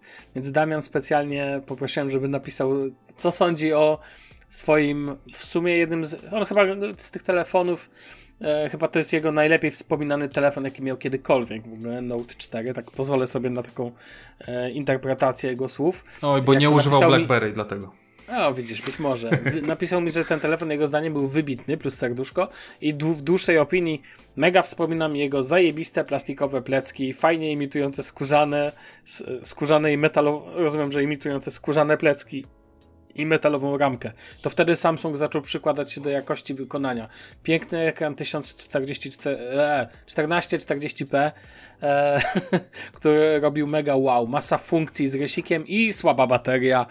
E, z którą sobie radziłem, podmieniając na naładowaną, bo mogłeś sam sobie baterię przekładać, więc wiecie, siup i nowa bateryjka -hmm. i lecimy dalej. To w ogóle, jak zawsze, dla mnie nieodżałowana funkcja smartfonów. Dalej nie rozumiem, -hmm. że jej nie ma, no ale cóż, e, tak czy owak, taka opinia od właściciela e, Note 4, który dalej go absolutnie ubóstwia. I nie on jeden, nie on jeden. Ja pamiętam, -hmm. jak pracowaliśmy w sklepie, to był 2017 chyba rok grubo lat po premierze Note 4 i mieliśmy klientów, którzy przychodzili i żądali, żeby ściągnąć dla nich sztukę. No panie, ale to jest, to jest telefon, który wyszedł 3 lata temu. Tego nie ma, to zostało zastąpione nowszymi modelami. Przecież tam był Note 5, tam był Edge, tam no, było tego. Ja chcę ten i koniec.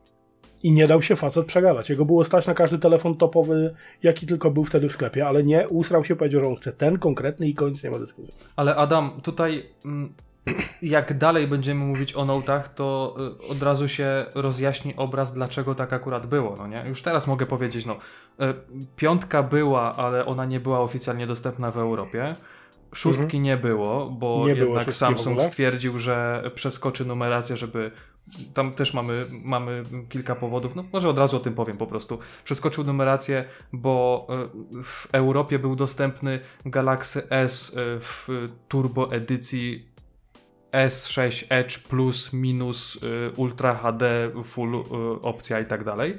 Plus GSM wodotryski, e, tak. Tak, więc to to było takie duże urządzenie, więc y, wprowadzanie Note'a by trochę kanibalizowało tutaj sprzedaż, tak mi się e, e, wydaje, ale też e, chciał Samsung trochę usystematyzować nazewnictwo, trochę też ze względu na przykład na iPhone'a 7, który, który powiedzmy gdzieś tam miał jakąś premierę w przyszłości, chciał, żeby jednak był Galaxy S i Galaxy Note miały to samo, to samo nazewnictwo, tą samą numerację.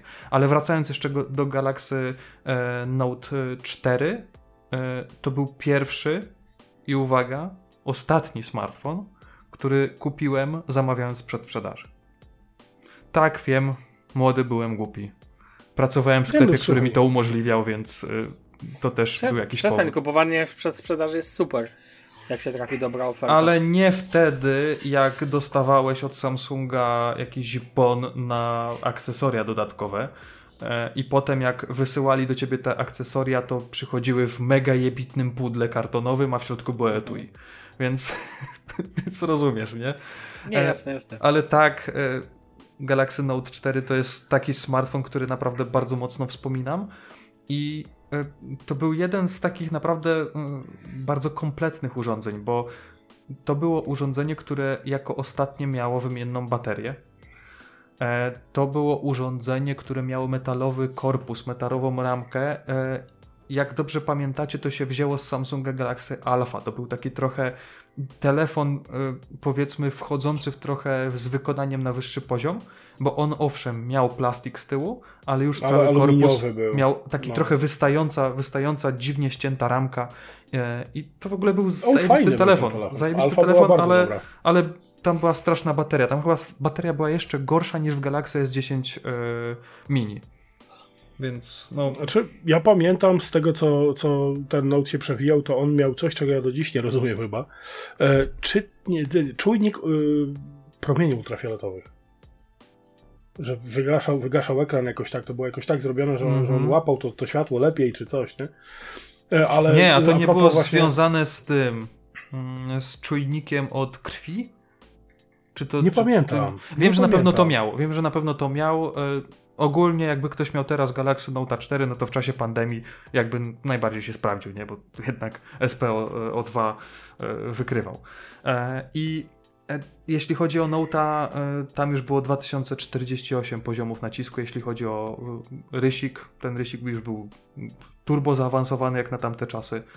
E, I ogólnie ten telefon jakiś taki jest, że ja ogólnie mam dwa Note'y, które naprawdę bardzo mocno wspominam i jednym z nich to jest właśnie jest Galaxy Note 4, a drugi to jest Galaxy Note 10.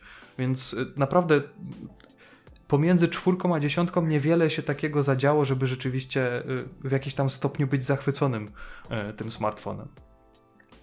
E, I e, myślę, że możemy powoli przejść dalej, ale e, jak dobrze e, kojarzę, to razem z czwórką pojawił się też taki trochę e, Einstein, tak, znaczy taki trochę Frankenstein bardziej.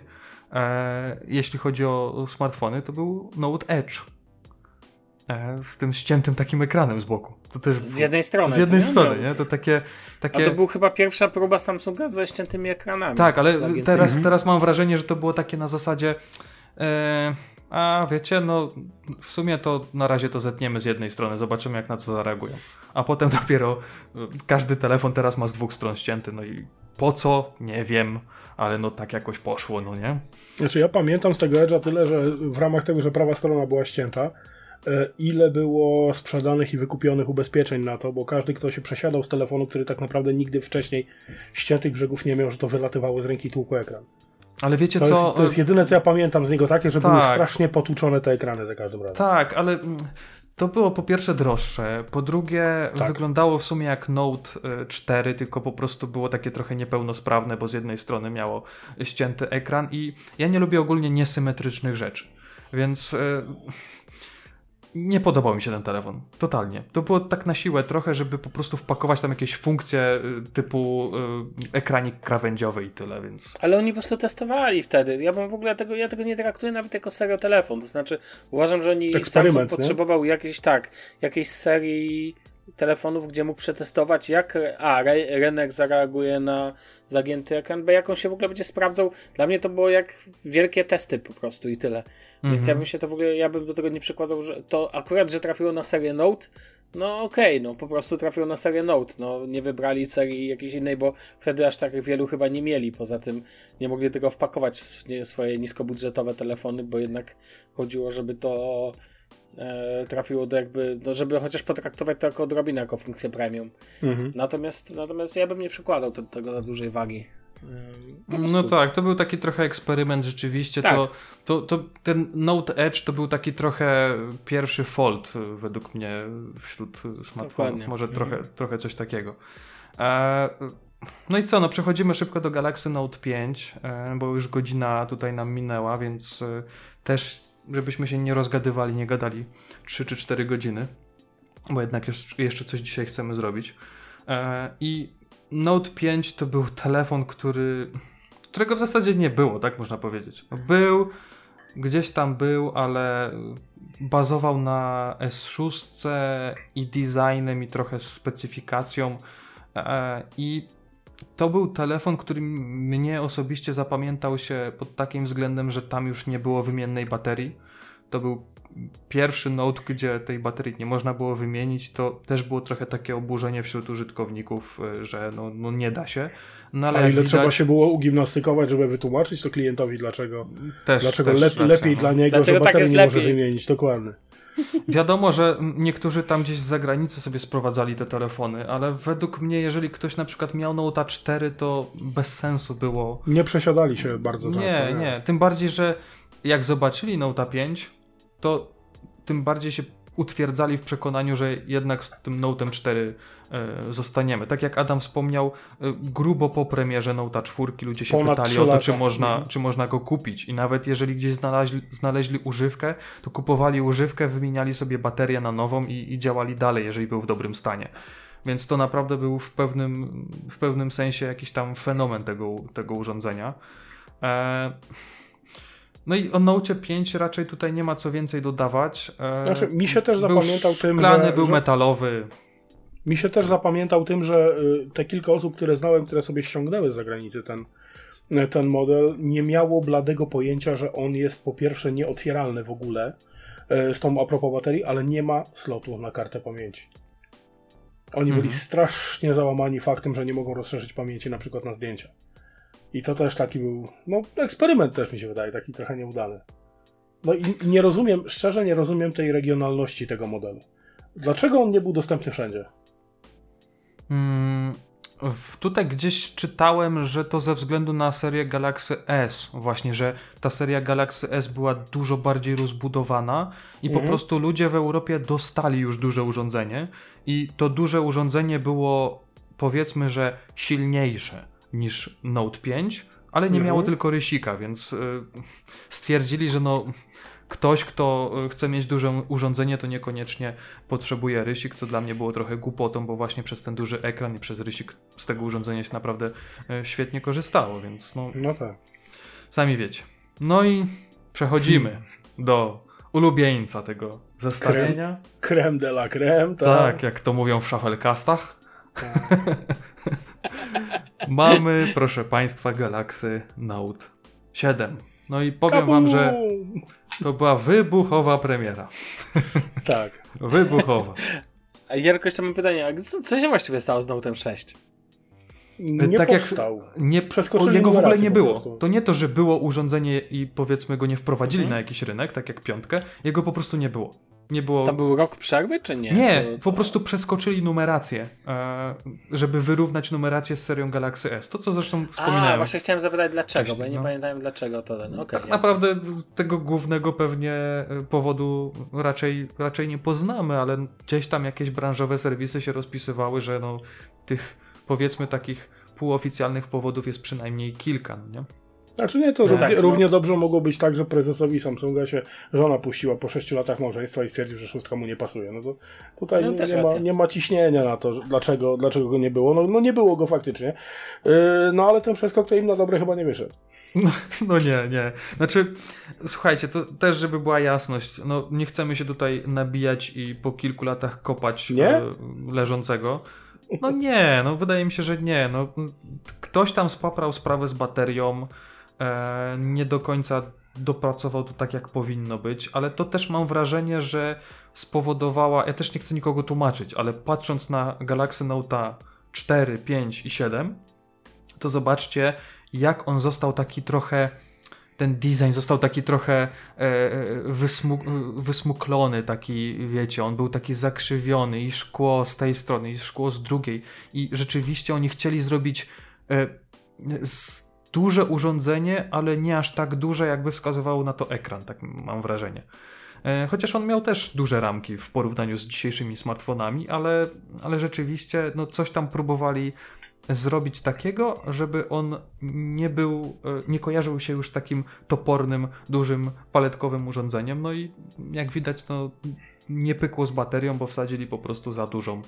E, Coś tam się stykało z czymś nie powinno, już nie znam Tam tak naprawdę bardzo- historii, ale Znaczy bardzo, bardzo mocno y, problem z, tym, z tymi wybuchającymi bateriami polegał na tym, że y, jak włożyli tak dużą baterię do tak małego chassis, no to tam piny się gdzieś zaginały na, na bok, stykały się, dochodziło do zwarcia i następowała eksplozja, ale y, czy tam samozapłon. Ale jak tak popatrzeć się, już no, spójrzmy zasłonę milczenia na tę baterię nieszczęsną. E, jeżeli spojrzeć na ten telefon, to nie było głupie urządzenie. Nie, naprawdę, pod To względem taka specyfikacji. bardzo fajna pro, progresja między tą, tą piątką, brakiem szóstki, ale całkiem fajna progresja między, między dwoma modelami. 5 i 7. E, matryca 14-40 punktów, e, w ogóle wodoodporność, e, tam, tam wo, wo, wodoszczelność to nie powiem, ale wodoodporność bardzo mocno podciągnięta, no, tam ten rysik był jakoś tam za, zasłonięty, że, że można było tam zmoczyć ten telefon niechcący, nawet nic mu się nie działo. Aparat nie najgorszy, USB-C, wszy- wszystko mający tak naprawdę. Mhm.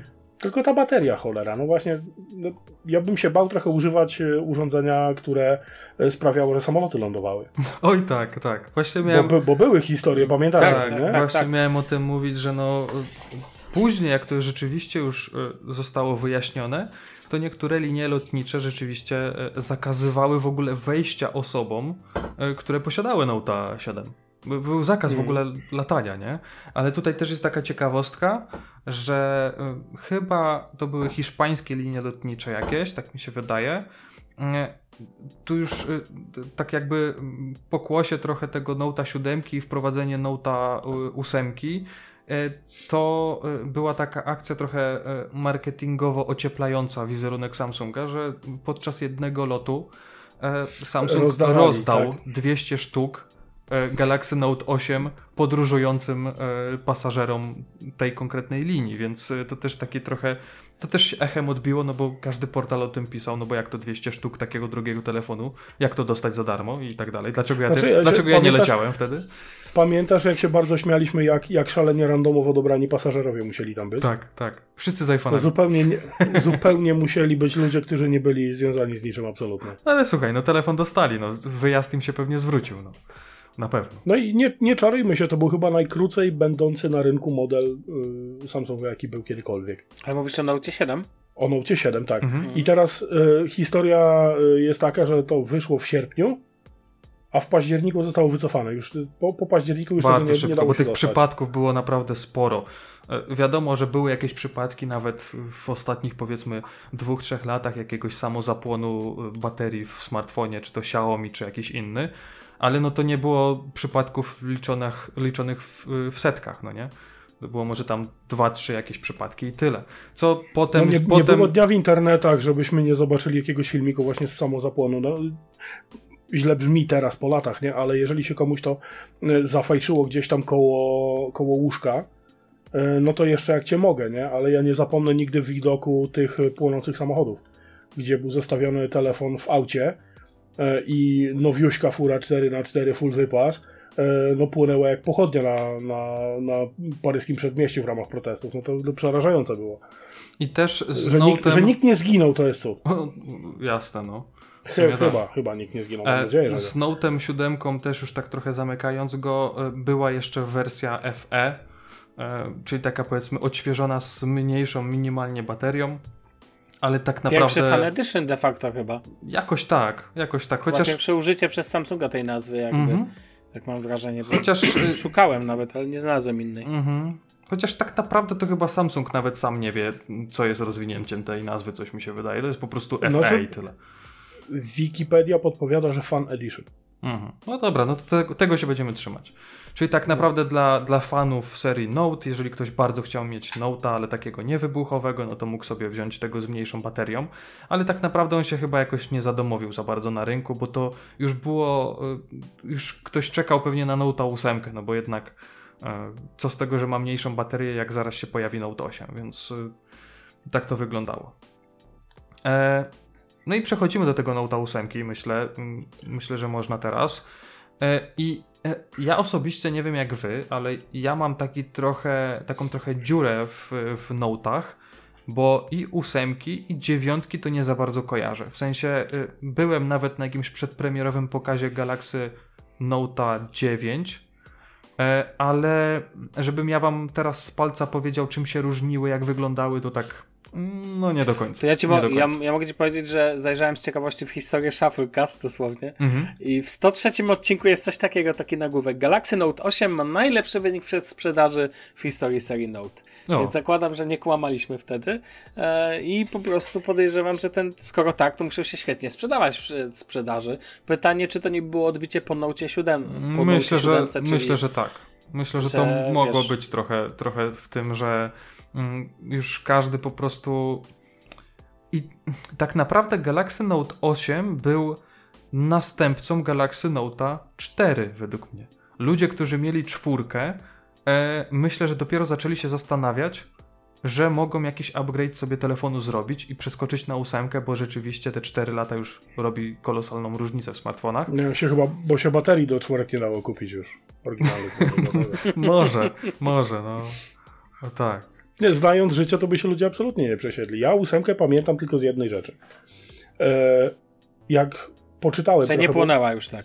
To, to swoją drogą, nie? Ale, ale pamiętam, że E, to urządzenie samo w sobie, ta ósemka nieszczęsna, razem z Samsung Dexem, e, to tak pierwszy raz u, u, uznałem, że nie, to jest biuro w kieszeni, to już nic więcej nie trzeba. Mhm. To racja. To no. jest jedyne, co, z, czego, z czego kojarzę ten model tak naprawdę. Nota dziewiątki, żebym sobie miał życie uratować, na oczy nie widziałem. Nie e, kojarzę kompletnie. To ja... Musiało mnie, musiało mnie ominąć gdzieś. Ja, gdzieś Sławku, mogę ci dopowiedzieć do tego, do tego twojego odcinka Shufflecast dlaczego ty tam tak no. y, napisałeś i powiedziałeś. Bo tutaj gdzieś dogrzebałem się do informacji, że y, w pierwszym weekend, w pierwszy weekend sprzedażowy Note'ów 8 sprzedało się prawie 300 tysięcy sztuk.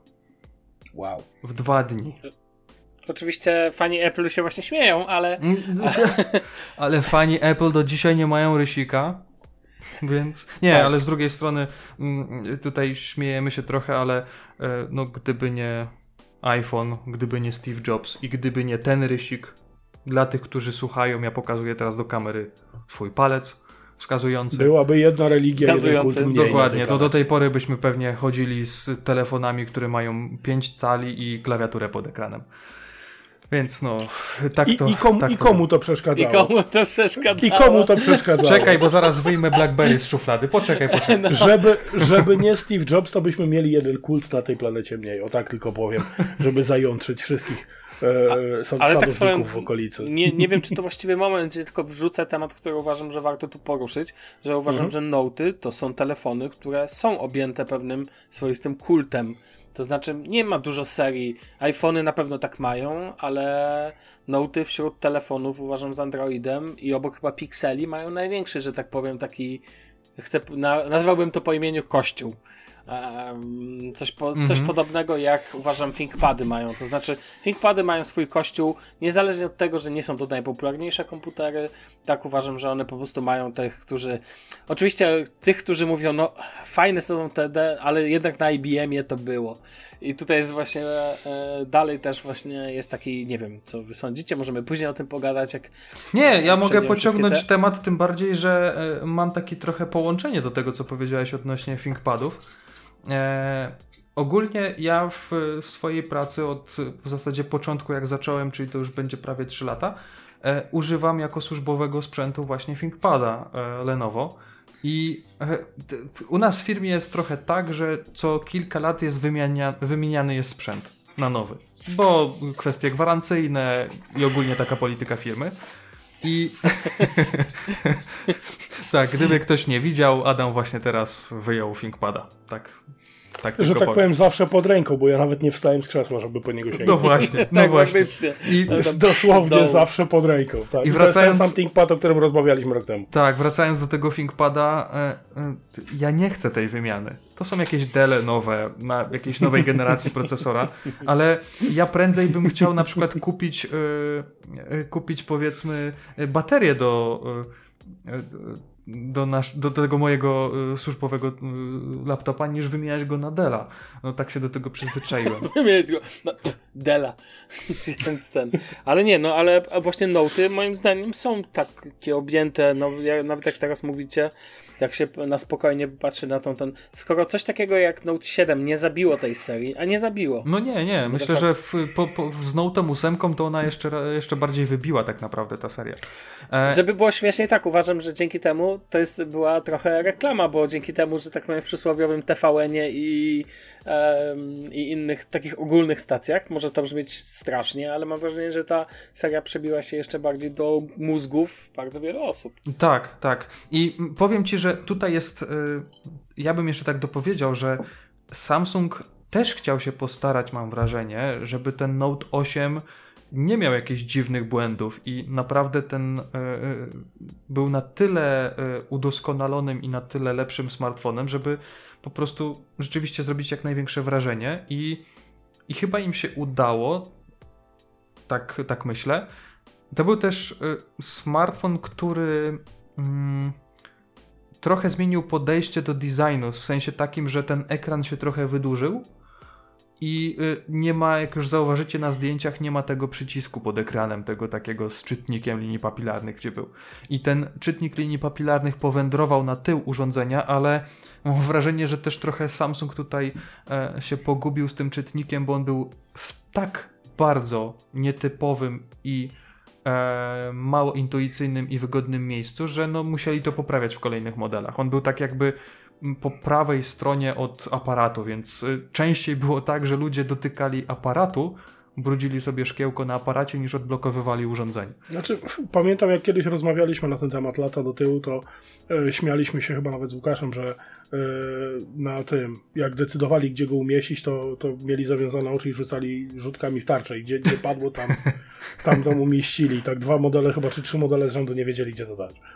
Mm -hmm. No i faktycznie coś, coś takiego było, ale czy, czy się seria e, odbiła?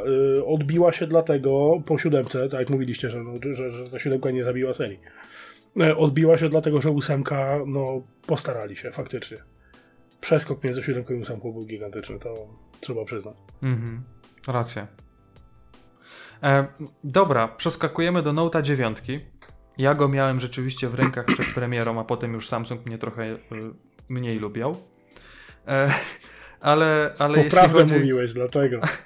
ale jeśli chodzi o Note 9, e, to była ta, taka trochę odświeżona seria e, Note'a, bardziej odświeżona ósemka i mam wrażenie, że tylko się pojawiła dlatego, żeby z, tak jakby kontynuować cykl wydawniczy tego Note'a. Bo równie dobrze mogli przeskoczyć z ósemki na dziesiątkę i tak naprawdę nikt tej dziewiątki by nie zauważył. E, I uwaga, przenieśli czytnik linii papilarnych z obok aparatu na e, miejsce pod aparatem. I co zrobili? Zamiast go pionowo postawić, żeby ten paluch e, jakoś tak naturalnie na nim e, spoczywał, to oczywiście zrobili go poziomo, więc też był za wysoko po prostu. Był to też pierwszy telefon Samsunga, który miał 8 GB RAMu i 512 GB pamięci wbudowanej, więc jak na tamte czasy półtora w smartfonie naprawdę można by było mieć e, dysk przenośny w kieszeni i to naprawdę całkiem, całkiem szybki. Co jeszcze? E, na pewno e, skupili się na tym, żeby tego deksa całego, całego trochę tak jakby udoskonalić, co też można powiedzieć, że, że się im udało. Szybkie ładowanie też, też jakieś było ale chyba największa zmiana dotyczyła rysika. Tutaj rysik miał ten super kondensator w środku, E, i przez to mógł po prostu działać e, przez jakiś tam czas, chyba do pół godziny to było, e, z dala od telefonu, na przykład można było nim robić zdjęcia, taki powiedzmy pilot do zdjęć. Ja pamiętam, że jak pisałem o Galaxy Note, Note 9, to E, mnie się to trochę kojarzyło jak różdżka z Harry'ego Pottera, że mogłeś robić gesty przed telefonem, które oczywiście nie działały tak jak powinny, no ale Samsung e, jakoś tam to powiedzmy marketingował, reklamował i, i, i mówił, że, że, że działa, że to jest zupełnie nowy sposób na, na interakcję z tym urządzeniem. Tak. tak. No i e, równie dobrze dla mnie Note 9 mogłoby nie być. Ja mam takie mhm. wrażenie. Nie wiem, jak u was jest. No, że tak powiem, ja e, nie używałem dziewiątki, to też dla mnie. E, ja w ogóle uważam, że takie przeskakiwanie co roku o drobne jakieś update'y to jest bez sensu.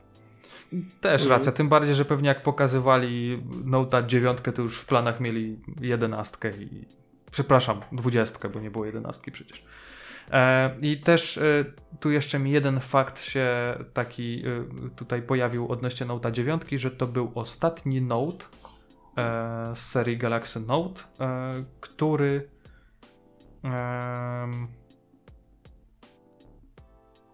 który miał mini jacka na słuchawki. Już, już kolejne nie miały, więc to też w pewnym kręgu dla pewnych osób była to e, ogromna strata, jeśli chodzi o ten telefon, bo zazwyczaj A od kogo urządzenie skopiowali?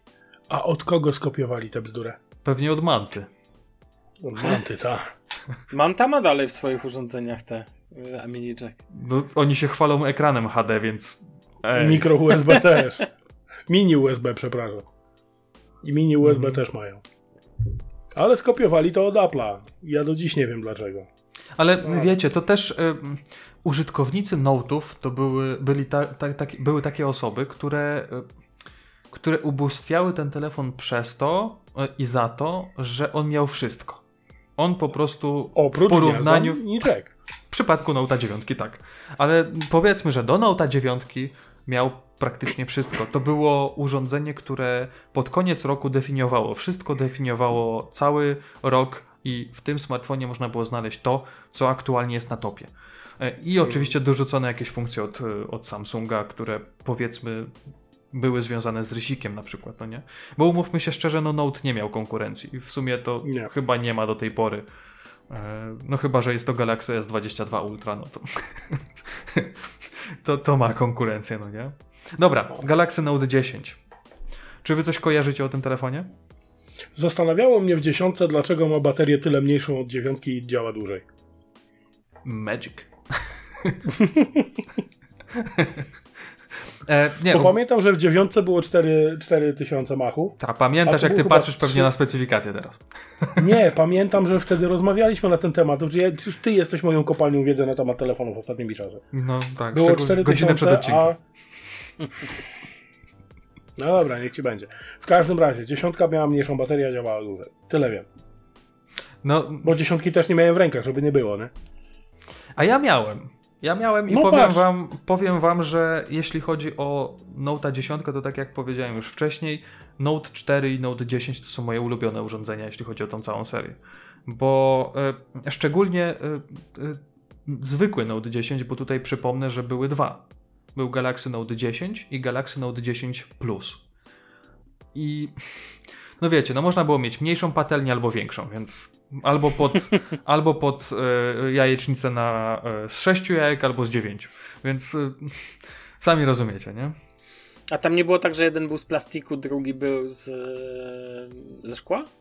Nie, była pamiętam, mm, nie pamiętam, chociaż jak teraz patrzę, a nawet sobie włączę moją, powiedzmy, recenzję Note nie, 10. to był dziesiątka light i to chyba z niej się tak śmialiśmy. Tak, chyba, Że on, chyba on był dziesiątka taki, light, no. dalej kosztował jakieś absurdalne pieniądze, e, i, bo był przecież, to, to chyba Mhm. właśnie był 10 Chyba light, tak. który kosztował jakieś absurdalne pieniądze, był z plastiku, a, a po prostu y, sobie myślałeś, no dobra, nie mam nic przeciwko plastikowi, ale nie za taki hajs, tak?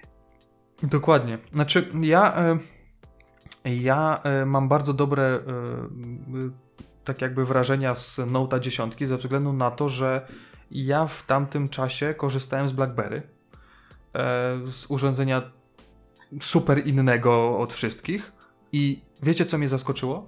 Że Note 10 mimo dużo większego ekranu, mimo napakowania technologią i, i rysikiem, on był praktycznie minimalnie mniejszy od BlackBerry. Więc to było takie dla mnie, taki Mm. dla mnie szok, że tak udało im się ten ekran wkomponować w to urządzenie i zrobić tak cieniutkie rameczki, że, e, że po prostu ten, ten telefon, jak się na niego patrzyło, naprawdę robił kolosalne wrażenie. I powiem wam, że nawet robił większe niż ta wersja z plusem. E, bo widać, że, że był dopracowany i widać, że no, jak głupio to może zabrzmi, ale pewnie niektórzy się ze mną zgodzą, że to był taki kompaktowy Note. To było takie coś, że kupowałeś Note'a, ale on zajebiście leżał w dłoni, e, był świetnie wykonany i nie był dużym urządzeniem. Oczywiście e, w cudzysłowie e, nie był dużym. Ale też e, ciekawostką jest to, wiecie co, teraz, wiecie co teraz się dzieje z pudełkami z zestawem różnych telefonów, że w zasadzie dostajemy urządzenie i pudełko, a niedługo nie będziemy dostawać pewnie i pudełka, tylko po prostu będziemy wychodzić z urządzeniem z, z sklepu, nie? Wersja OM. Jak sobie gdzieś zobaczycie e, zestawy, jakie e, to, co jest w zestawie z Note'em 10, no to naprawdę oczy wychodzą. Słuchawki AKG, ładowarka, kabel, e, dwie przejściówki w ogóle, to też jest fenomen. Różne te, te rysiki, wkłady do rysika, szpilkę do wyjmowania rysika i tak dalej, i tak dalej, więc tam naprawdę się działo w tym pudełku. E, I to było na, też na swój sposób e, spoko, bo no jednak e, to urządzenie kojarzyło ci się z takim urządzeniem, które ma wszystko po prostu, no nie? I nie Ja wiem... teraz tak, tak jak czytam na temat Galaxy Note 10 Lite, Mhm. śmiej się ile chcesz, mów co chcesz, ja Galaxy Note 10 Lite, mimo że go w rękach nie miałem, ja go szanuję. Mhm. Magicka. A no tak. Okej. I radio. I y, ja tutaj, radio, no. ja tutaj się jeszcze poprawię, bo nie wiem, czy gafy nie strzeliłem, tak jak powiedziałem na początku, jak, jak coś, to pewnie jak już to słuchacie, to ktoś napisał komentarz. Te gesty, o których wspomniałem, czy ta różdżka z Harry- z Harry'ego Pottera, to chyba przy dziesiątce była, nie przy dziewiątce. Ale z tym rysikiem coś tam się już działo w dziewiątce, więc taka powiedzmy półprawda, no nie? E, no i co? No przechodzimy do Galaxy Note'a 11, Co? No tak, zgadza O. się, czyli Note 20. czyli Note'a 20, dokładnie.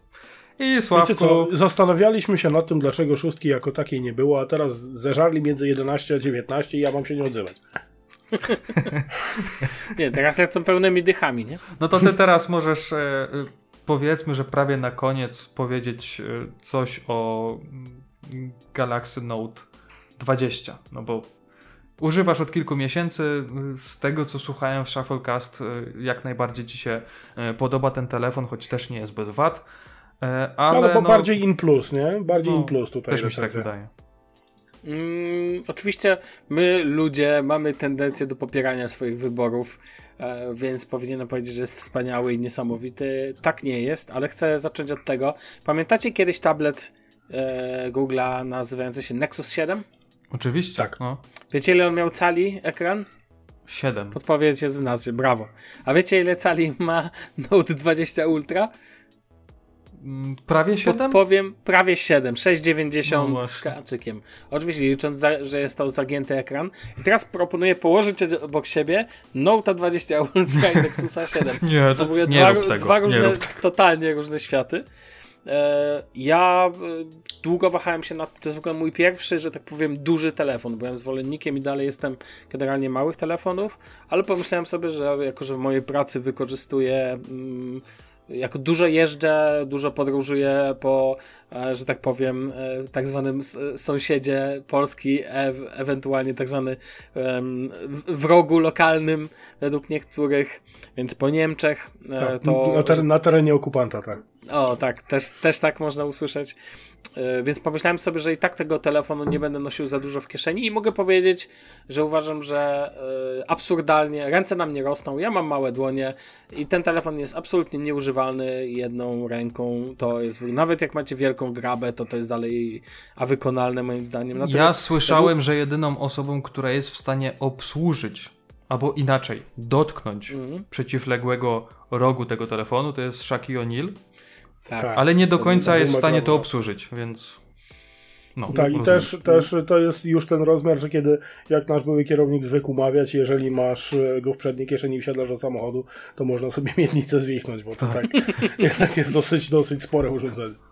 To jest w ogóle pierwszy telefon, który czasami mi się, mam wrażenie, zdarza nosić w cudzysłowie po damsku. Dla mnie, wyjaśnię wam jak to jest noszenie, dla mnie to w tylnej kieszeni. Czyli na To dupie. Tak, na dupie, tak. To jest noszenie... E, Ale taką- Jeszcze, jeszcze wracając do tego, co Adam powiedział, jeżeli masz nisko osadzony sportowy samochód i masz Note'a 20 Ultra, To możesz szukać no to y, jak to, to ogólnie nie możesz, y, nie jesteś w stanie wsiąść do tego samochodu, bo nie zegniesz tak nogi po prostu, nie? o to Trochę chodzi. tak. Piotro przewichnąć. Tak, tak.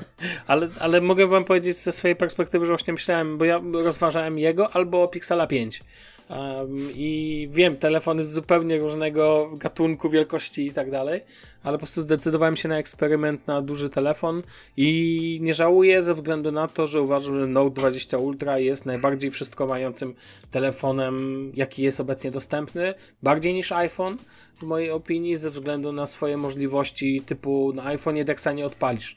Ja wiem, że wszyscy się z niego śmieją, ja go wykorzystuję. Ba, kupiłem sobie specjalnie kabel do Dexa na, na eBayu tutaj, żeby po prostu pojechałem do kolesia za 10 euro, wziąłem od niego kabel, którego nigdy nie użył. Ja już użyłem go kilkanaście razy w hotelach chociażby. Mega przydatne, kiedy po prostu czasami potrzebuję komputer mieć dostępny, a na przykład na telefonie sobie streamuję YouTube'a na dużym ekranie, bo wiecie, czy w hotelach są telewizory, więc może się fajnie podpiąć po HDMI. No jasne, tak? ale po, przypomnij mi, bo może będziesz wiedział, e, No. bo w Note 20 DeX jeszcze nie działał bezprzewodowo, to chyba w S21 wprowadzili, no nie? Nie, w Note 20 Ultra działa normalnie bezprzewodowo. Aha, Działa w obydwu trybach. okej, okej, dobra, Choć, dobra. Choć, ba, nawet używałem go też w takim trybie kilka razy, no może raz czy dwa. Natomiast ja go najczęściej używam po kablu, bo akurat tak mi bardziej pasuje. Natomiast ten, natomiast właśnie dla mnie fenomenalny to jest, jest to, jak ten telefon jest wszystko, wszystko mający. No, podam wam, nie będę teraz wchodził w szczegóły, bo nie ma potrzeby, wiadomo, no, recenzje były i tak dalej, ale ja na przykład na swoim przykładzie uwielbiam dzielony ekran i to, że ten ekran jest dość duży, ja mam jakby w samochodzie ładowarkę indukcyjną, która, która jest standem, jakby, no wiadomo o co chodzi, tak? Sobie moim ekranikiem, więc połączenie Google Maps plus coś, typu audiobooki albo YouTube, którego częściej słucham e, po prostu w tle, wiecie, po prostu mam jakby to niby też otwarte, gdzie dwie trzecie czy trzy czwarte ekranu to nawigacja, a jedna trzecia lub jedna czwarta to po prostu ekran dodatkowy, na którym wyświetlam sobie przykładowo e, jakiś tam, nie wiem, na kanale sportowym jakiś hate park, coś tego typu, czy jakąś rozmowę jakiegoś TEDa i tak dalej, także mogę rzucić okiem też, bo jednak wizual, albo was, o, wy też zapomniałem, gościliście już u mnie, że tak powiem, w moich podróżach, więc... Dziękujemy, dziękujemy. Byliśmy w Note. tak, podróży. byliście w Nocie, dokładnie, więc dla mnie to ten, dla mnie to jest fenomenalne użycie, nie wiem, używam rysika, mimo tego, że wielo... Ja na przykład używam go, powiem wam do czego. Dzięki niemu można bardzo precyzyjnie zrzucać ekran, jak jest potrzeba, bo palec jest jednak fajnym rysikiem, ale ja mam grube paluchy. Ja to samo, więc jakby- też ciężko by było coś a zaznaczyć. rysik jest, tak, rysik jest bardzo ten. Wiecie za co szanuję Samsunga? Za to, że oni kleją na ten telefon do, e, folię fabryczną. To jest w ogóle fenomenalne w Nocie, że on ma fabryczną folię na sobie. I o, ta folia u mnie jest już w stanie agonalnym i kupiłem nową, ale do tej pory ją nie zmieniłem, bo jest tak dobrze przyklejona, że aż mi żal ją odklejać. Natomiast ten, natomiast e, rysik daje fenomenalne doznanie ze względu na ten 120 Hz ekran. E, dla mnie super się po prostu pisze, a do tego miałem e, tego najnowszego Surface'a Pro 8. E, Kupiłem go sobie nawet. I oddałem go, gdzie główną przyczyną tego, że go zwróciłem było to, że e, rysik, który jest w zestawie, jest po prostu tragiczny, daje doznanie pisania po ekranie w Surface Pro 8, bo daje takie bardzo plastikowe. I wtedy doceniłem jak fenomenalnie działa w Note 20 Ultra rysik, ze względu nie na to jak on super reaguje, tylko na to jak daje iście ASMR-ową przyjemność pisania po prostu. Tak, bo e, tam tego coś jest, chyba z haptyką też związane, że Tak, jak piszesz, to hap- jesteś w no. stanie wyczuć, czy piszesz ołówkiem, czy długopisem na tym, no nie? Wiesz co, to bardziej jest, e, bo na przykład w Rysiku właśnie w Surface e, jest haptyka taka typowa. Tutaj mam wrażenie, że nawet nie tyle, co jest ta odpowiedź ekranu na poziomie tego nawet dźwięku, że możesz sobie, wiesz, jakbyś faktycznie, jakbyś ołóweczkiem rysował, natomiast to jest bardzo miękkie, że tak powiem, e, miękka rzecz. Ten telefon ma dwie wielkie wady. Mm, Trzy, no bo cena jest też wadą, cały czas uważam. Eee, największą wadą jest bateria dla wielu osób, na pewno. To jest w ogóle, uważam, że to jest nieporozumienie w tym telefonie. Ta, tak? bo jest niewymienna.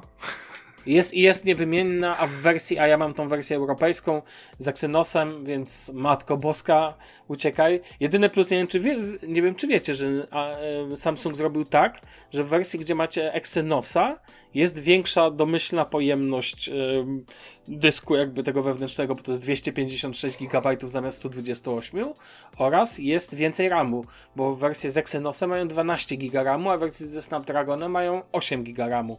E, domyślnie jakby w swojej tej podstawowej wersji, więc E, Więc to rozumiem, że była odpowiedź Samsunga na to, na narzekania użytkowników na długość czasu e, pracy na baterii, bo tam jest 20-30% różnicy. Trochę się testów naoglądałem przed zakupem i pamiętam, i ten telefon na przykład mi nie wytrzymałby cały dzień już teraz.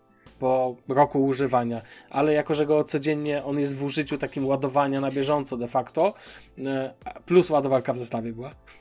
E, Jeszcze. jest, jeszcze. E, Inna rzecz, że tu nie ma jakoś bardzo szybkiego ładowania, bo pamiętam Note 10 miał szybsze ładowanie.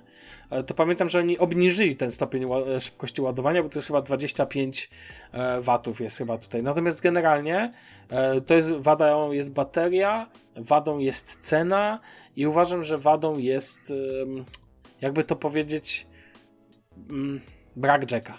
Ja wiem, ja wiem, się powtarzam, ale to jest właśnie do tej wszystko ma tego wszystko mania to jest ten minus. Ja wiem, że teraz mało kto go już w ogóle ma, ale nieważne. Natomiast uważam, że na przykład aparat, piksele robią dla mnie lepsze zdjęcia. E, iPhony ostatnio też robią dla mnie lepsze zdjęcia, ale to jak ten aparat wiele potrafi, ten doskonały zoom optyczny, który y, byłem, musiałem, słuchajcie, byłem em, nad Mozelą, taka, taka rzeka, Mhm. e, i potrzebowałem spojrzeć. Tak, kojarzę, gdzieś pod Grudziądzem. Dokładnie. I e, musiałem spojrzeć, dosłownie potrzebowałem zrobić zdjęcie. Znaczy, potrzebowałem przeczytać ym, tablicę, która znajdowała się na wzgórzu, z, jak takim winiarskim na drugiej stronie rzeki. Mhm. I to było cholernie daleko. I sobie myślę, jak ja mam ogarnąć, co tam jest napisane. No i po prostu zrobiłem maksymalnego zooma notem i, i, i przeczytałem wtedy, tak? Więc on potrafi robić za, nie wiem, za poziomicę mi służył już, gdzie po prostu obraz, wiecie, wieszałem. Jakby uwielbiam w tym telefonie właśnie to taką taką totalnie wszystko, no teraz nagrywam na nim e, wideo do tego odcinka i wiem, że i wiem, że tu nie będzie problemu z pojemnością, bo wprawdzie mam zajęte ponad 160 gigabajtów na nim, ale jednak e, wiem, że i tak on zmieści jeszcze to nagranie, tak? Więc jakby e, więc uwielbiam I oczywiście to- nagrywasz w 8K, tak? Tak jak się umawialiśmy. Tak jak się umawialiśmy, żeby mógł zapłacić łącze na maksa i sobie też. tak. Natomiast, e, natomiast całkiem serio po prostu uważam, bo to jest mój pierwszy Note. I ja jestem, znaczy może nie, nie dołączę do kościoła, natomiast uważam, że ten telefon jest dopracowany na bardzo wielu poziomach i jest, no właśnie od, od Dexa, wiecie, przez wszelkie możliwe rzeczy, jakie sobie wymyślicie, nie wiem, jak potrzebujecie najszybsze możliwe Wi-Fi, okej, proszę bardzo, on to, ono to już jest.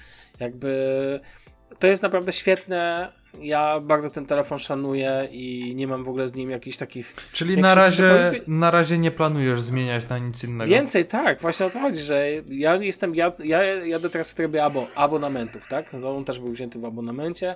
Em, I no w Niemczech tak się opłaca, jak chcesz mieć duży pakiet internetu, inaczej się nie da. Mhm. Bo oferty na kartę mają dużo mniejsze pakiety sieci, więc jakby tutaj jakbyś nie masz, nie masz trochę wyjścia. Em, a swoją drogą e, też dostałem tu słuchawki w zestawie. Taka ciekawostka od AKG. Mm, więc ten, więc e, natomiast jakby nie planuję, mimo że mi się za rok skończy abonament, nie wiem co mam wtedy zrobić do końca, bo mi ten telefon bardzo pasuje. No ja nie bym wymienił go na nowego, takiego samego. Okej. Ale będzie alternatywa, jeżeli w ogóle będzie do, będą, nie będzie problemu z dostępnością, czyli nowe Noty. E, przepraszam, S22 Ultra. To jest w ogóle. AK to jest dla mnie Note najwię- 21. Natomiast uważam ten telefon dalej za świetny. Mają, jeszcze chciałem powiedzieć o jednej rzeczy, fenomenalne, oryginalne case'y skórzane i silikonowe od Samsunga. Szczególnie te skórzane, wersja bronze jest po prostu fenomenalna, a wersja czarna jest też fenomenalna i po prostu ją, że tak powiem, ubóstwiam. A do tego Samsung ma tą zaletę, która dla wielu jest wadą, że ceny spadają i na przykład takiego case'a kupiłem przez polskie Allegro za 30 zł No i wiem, proszę. że na pewno był No oryginalny proszę, no w to- ogóle, więc więc po prostu jakby, to wiecie, no teraz e, e, najnowszy ten e, S21 FE, tak, teraz po Mhm, cashbacku i mhm. tak dalej, kosztuje, miał kosztować takie grube pieniądze, już można go za, odliczając cashback od ceny, wychodzi 2200, no to, No to jest normalna powiedzmy Typowy cena za ten Samsung, telefon. tak? Taka powinna Mhm. być. tak, tak, tak. A, i Adamie, specjalnie dedykacja dla ciebie, nie wiem czy wiesz, Mhm. ale Note 20 Ultra ma radio FM. Tylko O, wersja snap, ze Snapdragonem, Mhm. co śmieszne, i tylko w pewnych krajach, Ale, ale ma, ale ma. ale ma tak. możliwość. Ja wiem, że to jest trochę przestarzała technologia ostatnimi czasy. Jeszcze Ja- niech dorzucą Jacka i ja jestem szczęśliwy. No właśnie, to jest naprawdę taki... Mogą ci dorzucić czeka, uważam- ale na Bluetooth. tak, dokładnie. E, natomiast dalej jest to telefon wszystko mający. Ciekawostka, używam, jak chcę używać na nim Jacka, e, to używam przejściówki z Pixela 3, która była w zestawie. działa, tak? Tak, dzia działa. Mhm. Bo też, też słyszałem, że 3, niektóre te przejściówki no nie działają, To ale... tutaj działa, tak. Ale okej. I Tu i działa tutaj y, nawiązując do tego, że y, na razie nie planujesz zmienić, tutaj też chyba ci Samsung jest na rękę, bo z tego co kojarzę, to oni mm, tak jakby obiecywali trzyletnie wsparcie dla tego urządzenia. E, w sensie, że dostaniesz no to... aktualizację Androida przynajmniej do powiedzmy trzynastki e, licząc. Ja tak. mogę wam powiedzieć, że w, w najnowszym odcinku Shovelcast właśnie mówiłem o tym, że ale to wrzucałem też na Twittera, że dostałem aktualizację przedwczoraj na, na już dzisiaj że tak powiem. W sensie na pierwszym A, widziałem chyba to, tak, coś tam z datą tak, było więc nie tak. Po no. prostu, no. więc y, nie narzekam. E, najnowszy One UI wjechał teraz aktualizacje wchodzą i podejrzewam, że jeszcze będą wchodzić. Ja po prostu będę, nie będę go wymieniał, nie będę miał trochę wyjścia, ale to pewne, pewnie będę go aktualizował. Znaczy, tak naprawdę, bo teraz będziemy powiedzmy zamykać całą serię tak. Note'a, znaczy w zasadzie to już zamknęliśmy tym, tym modelem, który ty teraz aktualnie używasz, mhm. e, bo przechodzimy do Galaxy S22 Ultra, który powiedzmy, że jest takim nowym Note'em, o czym zaraz, zaraz powiemy trochę więcej, e, ale też tak mam wrażenie, że jakbym był tobą, mając Note'a 20 Ultra, to nawet gdyby mi się skończył ten abonament, nawet gdyby wyszedł y, nieoficjalny następca, y, to y, no, trochę szkoda by było wymieniać chyba to urządzenie, bo ono naprawdę jest prawie że kompletne i no szkoda by było tutaj chyba sprzedawać ten, kupować nowy i to by się trochę nie kalkulowało, taki, taki, taki generacyjny przeskok tylko. Więc... E, Zgadzam się z tobą. Więc mhm. chyba... Myślę o wymianie baterii po prostu, to jest moje myślenie. No ale to nawet jakbyś miał gdzieś tam w serwisie zapłacić e, tak, tak, ileś tak, tam tak. euro, no to, to lepiej to zrobić, bo przynajmniej będziesz miał mhm. profesjonalnie wymienione. Zgadza się. I niczego innego teoretycznie nie powinni popsuć. No dobra, ale przechodząc do Galaxy S22 Ultra, to też w sumie y, w sumie też takie trochę podsumowanie, ale też pytanie, y, które y, nakłoniło mnie do tego, żeby rzeczywiście taki temat zaproponować, to to dlaczego Galaxy Note jest Galaxy S22 Ultra. Dlaczego Galaxy Note nie jest już Galaxy Note'em? E, pewnie macie jakieś powiedzmy, że y, swoje opinie na ten temat. E, ja powiem Wam tak.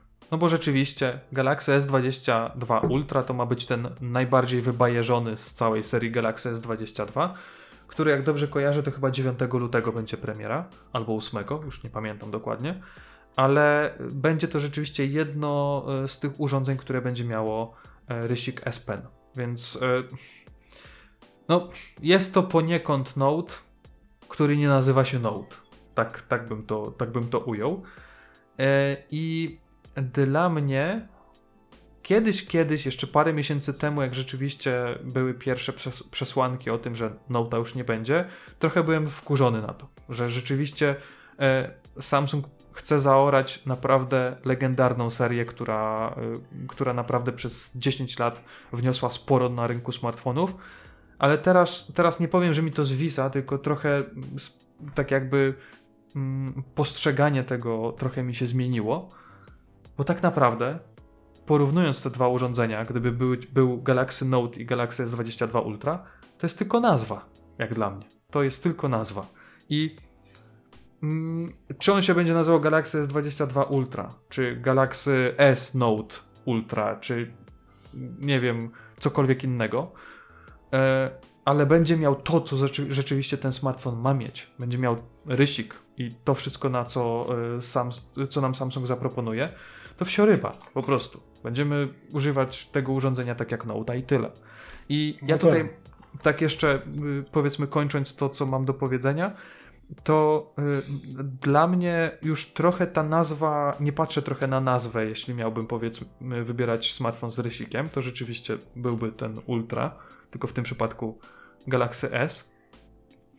E, ale też e, warto tutaj powiedzieć chyba o tym, że z roku na rok ta granica pomiędzy serią S, a granica pomiędzy serią S a Note dosyć mocno się zacierała. SK stawała się bardziej funkcjonalna i te urządzenia, raz, że było ich kilka e, w danej serii, E, danym roku modelowym, to e, po prostu były na tyle duże, że już ta różnica pomiędzy e, serią S a Note nie była taka znacząca, nie była taka widoczna, więc Nie wiem, jakie wy macie zdanie na ten temat, ale ja już na to tak znaczy, nie ja, patrzę, ja że... się z tobą absolutnie zgadzam, bo, bo no, zbliżyły się do siebie te serie na tyle.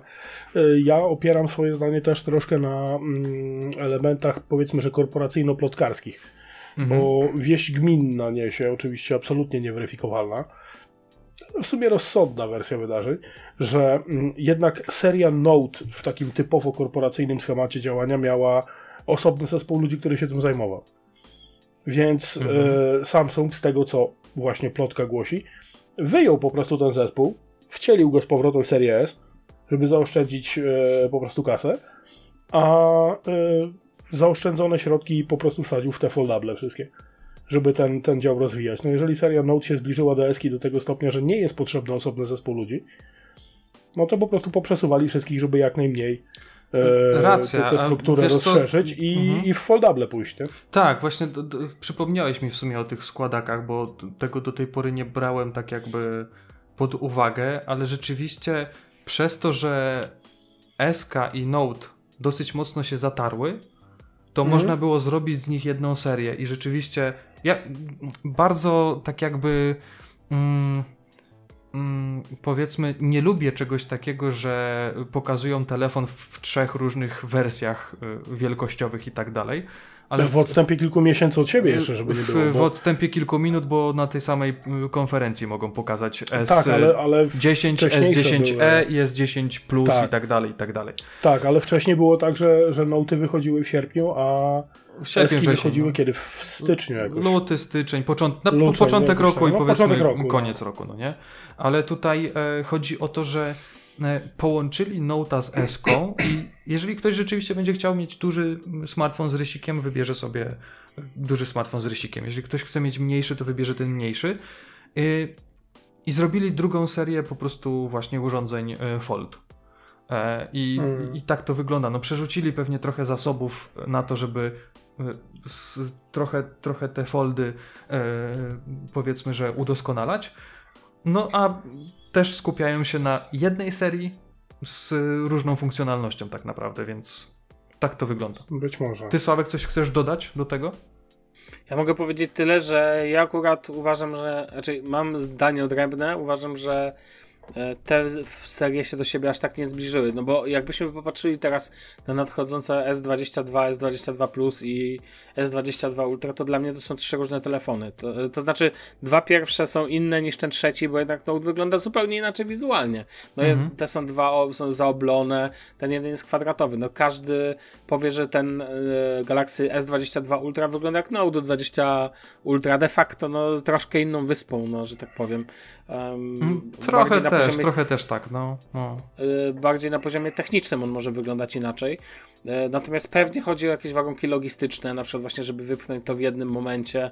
Być może, być może chodzi o to, żeby y, być może chodzi o to, żeby ja mam wrażenie, że Samsung się zorientował, jak Note był dobrą serią, jak dobrze się może sprzedawać i postanowili go wrócić, ale głupio im powiedzieć, że Note wraca, więc wepchnęli go w ramy tej flagowej serii, która jest planowana, bo trochę wstyd tak się przyznać do kolejnej porażki.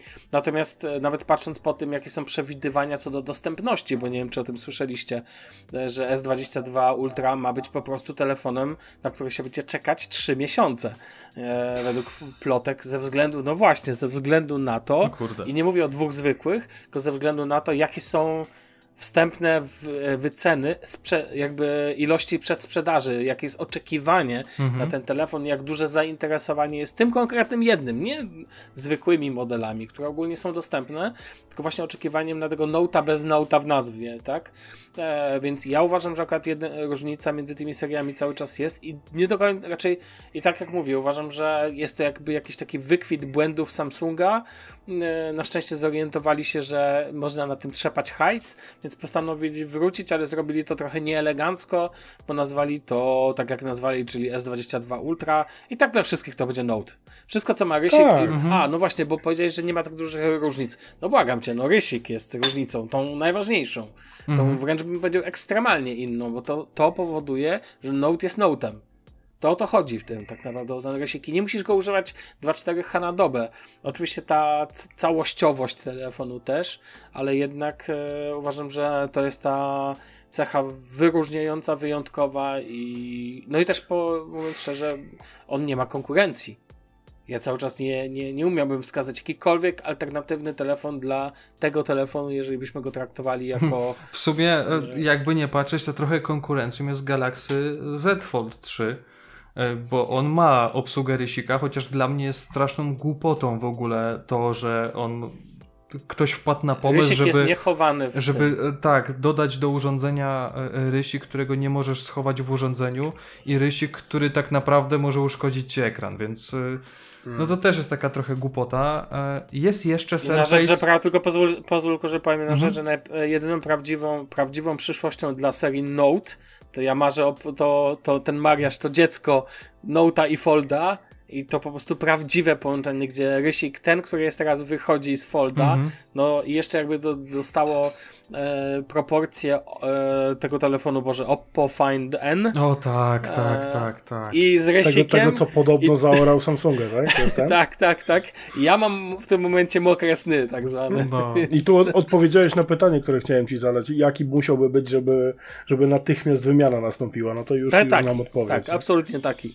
Rzuciłbym tutaj- się na niego jak głupi, no. Ja jeszcze się, jeszcze się tutaj wy- wytłumaczę trochę. Y, Jak mówiłem, że te serie się troszkę zatarły między sobą, nie chodziło mi o warstwę technologiczną, nie chodziło mi o warstwę y, sprzętową jako taką, że no, no, tak jak mówisz, no to faktycznie jest inny telefon zupełnie.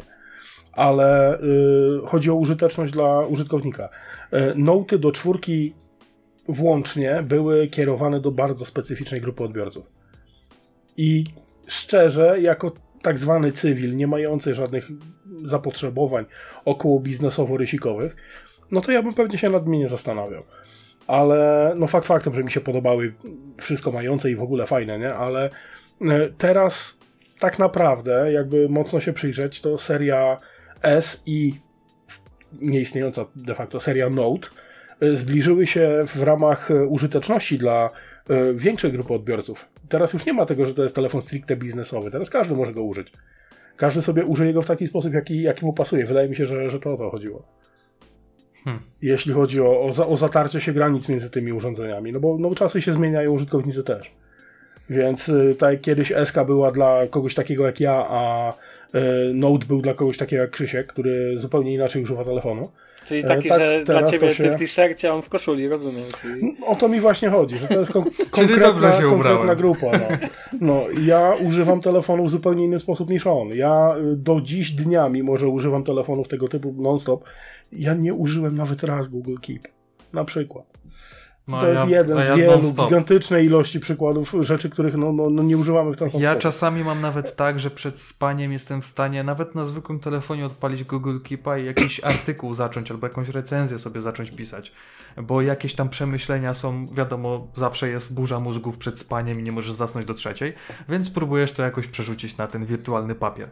E, także no, ja rozumiem Adama, rozumiem Ciebie Sławku, rozumiem też siebie, ale też rozumiem naszych słuchaczy, że słuchają to prawie już dwie godziny i wydaje mi się, że możemy powoli dobijać do, do brzegu. Wystarczy, tak. E, Myślę, że staraliśmy się jakoś tak e, pobieżnie po tych wszystkich modelach przejść, e, żeby też Was za bardzo nie zanudzić i mam nadzieję, że to się udało, bo tak e, nieskromnie powiem, że sądziłem, że trochę nam gorzej wyjdzie ten odcinek, że będzie trochę taki nudniejszy i, i trochę flakowaty. Znaczy, no, Ale nie czarujmy mam się, my wrażenie, że- moglibyśmy zrobić Moglibyśmy zrobić osobny odcinek na temat każdego z tych modeli. tak Oczywiście, oczywiście, tak. Taka seria, no. Taki No, e, bo tak. sezon Że pierwszy. Dwóch po dwóch pi piszcie, jeżeli chcecie takich odcinków. Sezon pierwszy, 10 odcinków, przejdziemy sobie O przez serię Boże. Note, potem weźmiemy sobie jakąś inną. iPhony oczywiście zahaczymy, to też będzie kolejny No nie. sezon. Nie, to będziesz musiał sobie zastępstwo znaleźć. Ja proponuję odcinek o iPhone 9. To może być Tak. e, fascynujące. E, natomiast ten, ja tylko pozwólcie, że e, od siebie chciałem jeszcze was zapytać, czy wy myślicie o zakupie Note 22? Pff. Samsunga Galaxy Ultra Super S22. To ja odpowiem Ultra. pierwszy tak. Myślałem, patrząc na te wszystkie informacje o S22 Ultra i takiej trochę chęci powrotu do tej serii i sprawdzenia rzeczywiście, e, co ten rysik na nowo mi może dać. E, tylko, że no. Mam też z tyłu głowy to, że pewnie z szóstkę trzeba by było wyżygać na to. E, a też co chwilę jakieś urządzenia się testuje, więc ja mam dwa urządzenia swoje prywatne. BlackBerry 2, który leży w szufladzie i co chwilę go uruchamiam, żeby go tylko podładować i Surface Duo, który też aktualnie leży, bo korzystam z czego Który innego. jest Surface Duo? Tak, tak. Ten no... E, Ale ten nowy, czy ten? nie, no dwójki, dwójki nie ma jak ściągnąć jak na razie, więc na razie cały czas na jedynce, która dostała Androida 11 i działa już dużo, dużo lepiej niż wcześniej. I uwaga, e, też ma rysik. Też jest taki Microsoftowy rysik, który niestety działa podobnie jak na Surface Pro 8, więc e, działa źle e, i, i rzadko go używam, no nie? Ale no myślę, że jakbym miał używać tego rysika, to na pewno lepiej jest Surface Duo niż e, w tablecie Surface Pro 8, bo jednak jest trochę inna, inna tutaj e, imersja razem z tym rysikiem i z tym urządzeniem. Ale no, no tych urządzeń jest tyle, że, że po prostu za często się je zmienia, ale rzeczywiście jeżeli byłaby jakaś turbo okazja na, na S22 Ultra, że na przykład Samsung by przysłał do testów i by on został, to jak bardzo chętnie bym go z niego korzystał. To jest dopiero turbo okazja. Tak. Za darmo to zawsze okazja. tak. Za darmo to jest uczciwa cena. ja z mnie, kolei dla także odmiany, ja z kolei dla odmiany nawet na horyzoncie nie miałem tego telefonu, dlatego że, tak jak mówiłem wcześniej, ja nie użyję jego możliwości. E, Dla mnie telefon jest zupełnie innym urządzeniem niż dla Krzyśka. Ja nie użyję tego w taki sam sposób, wydawanie tej, nie wiemy jeszcze, ale szóstki to wydaje mi się Grubo ponad piątka to na całkowicie, całkowicie zbyteczne i niepotrzebne. Ja sobie mogę poradzić telefonem za, za poniżej tysia, nie? Bo, bo mi służy do czegoś zupełnie innego. pewno. Mhm. No dobra, panowie. Myślę, że pogadaliśmy sobie trochę, strzeliły dwie godziny, chyba że coś się wytnie, to będzie około dwóch godzin.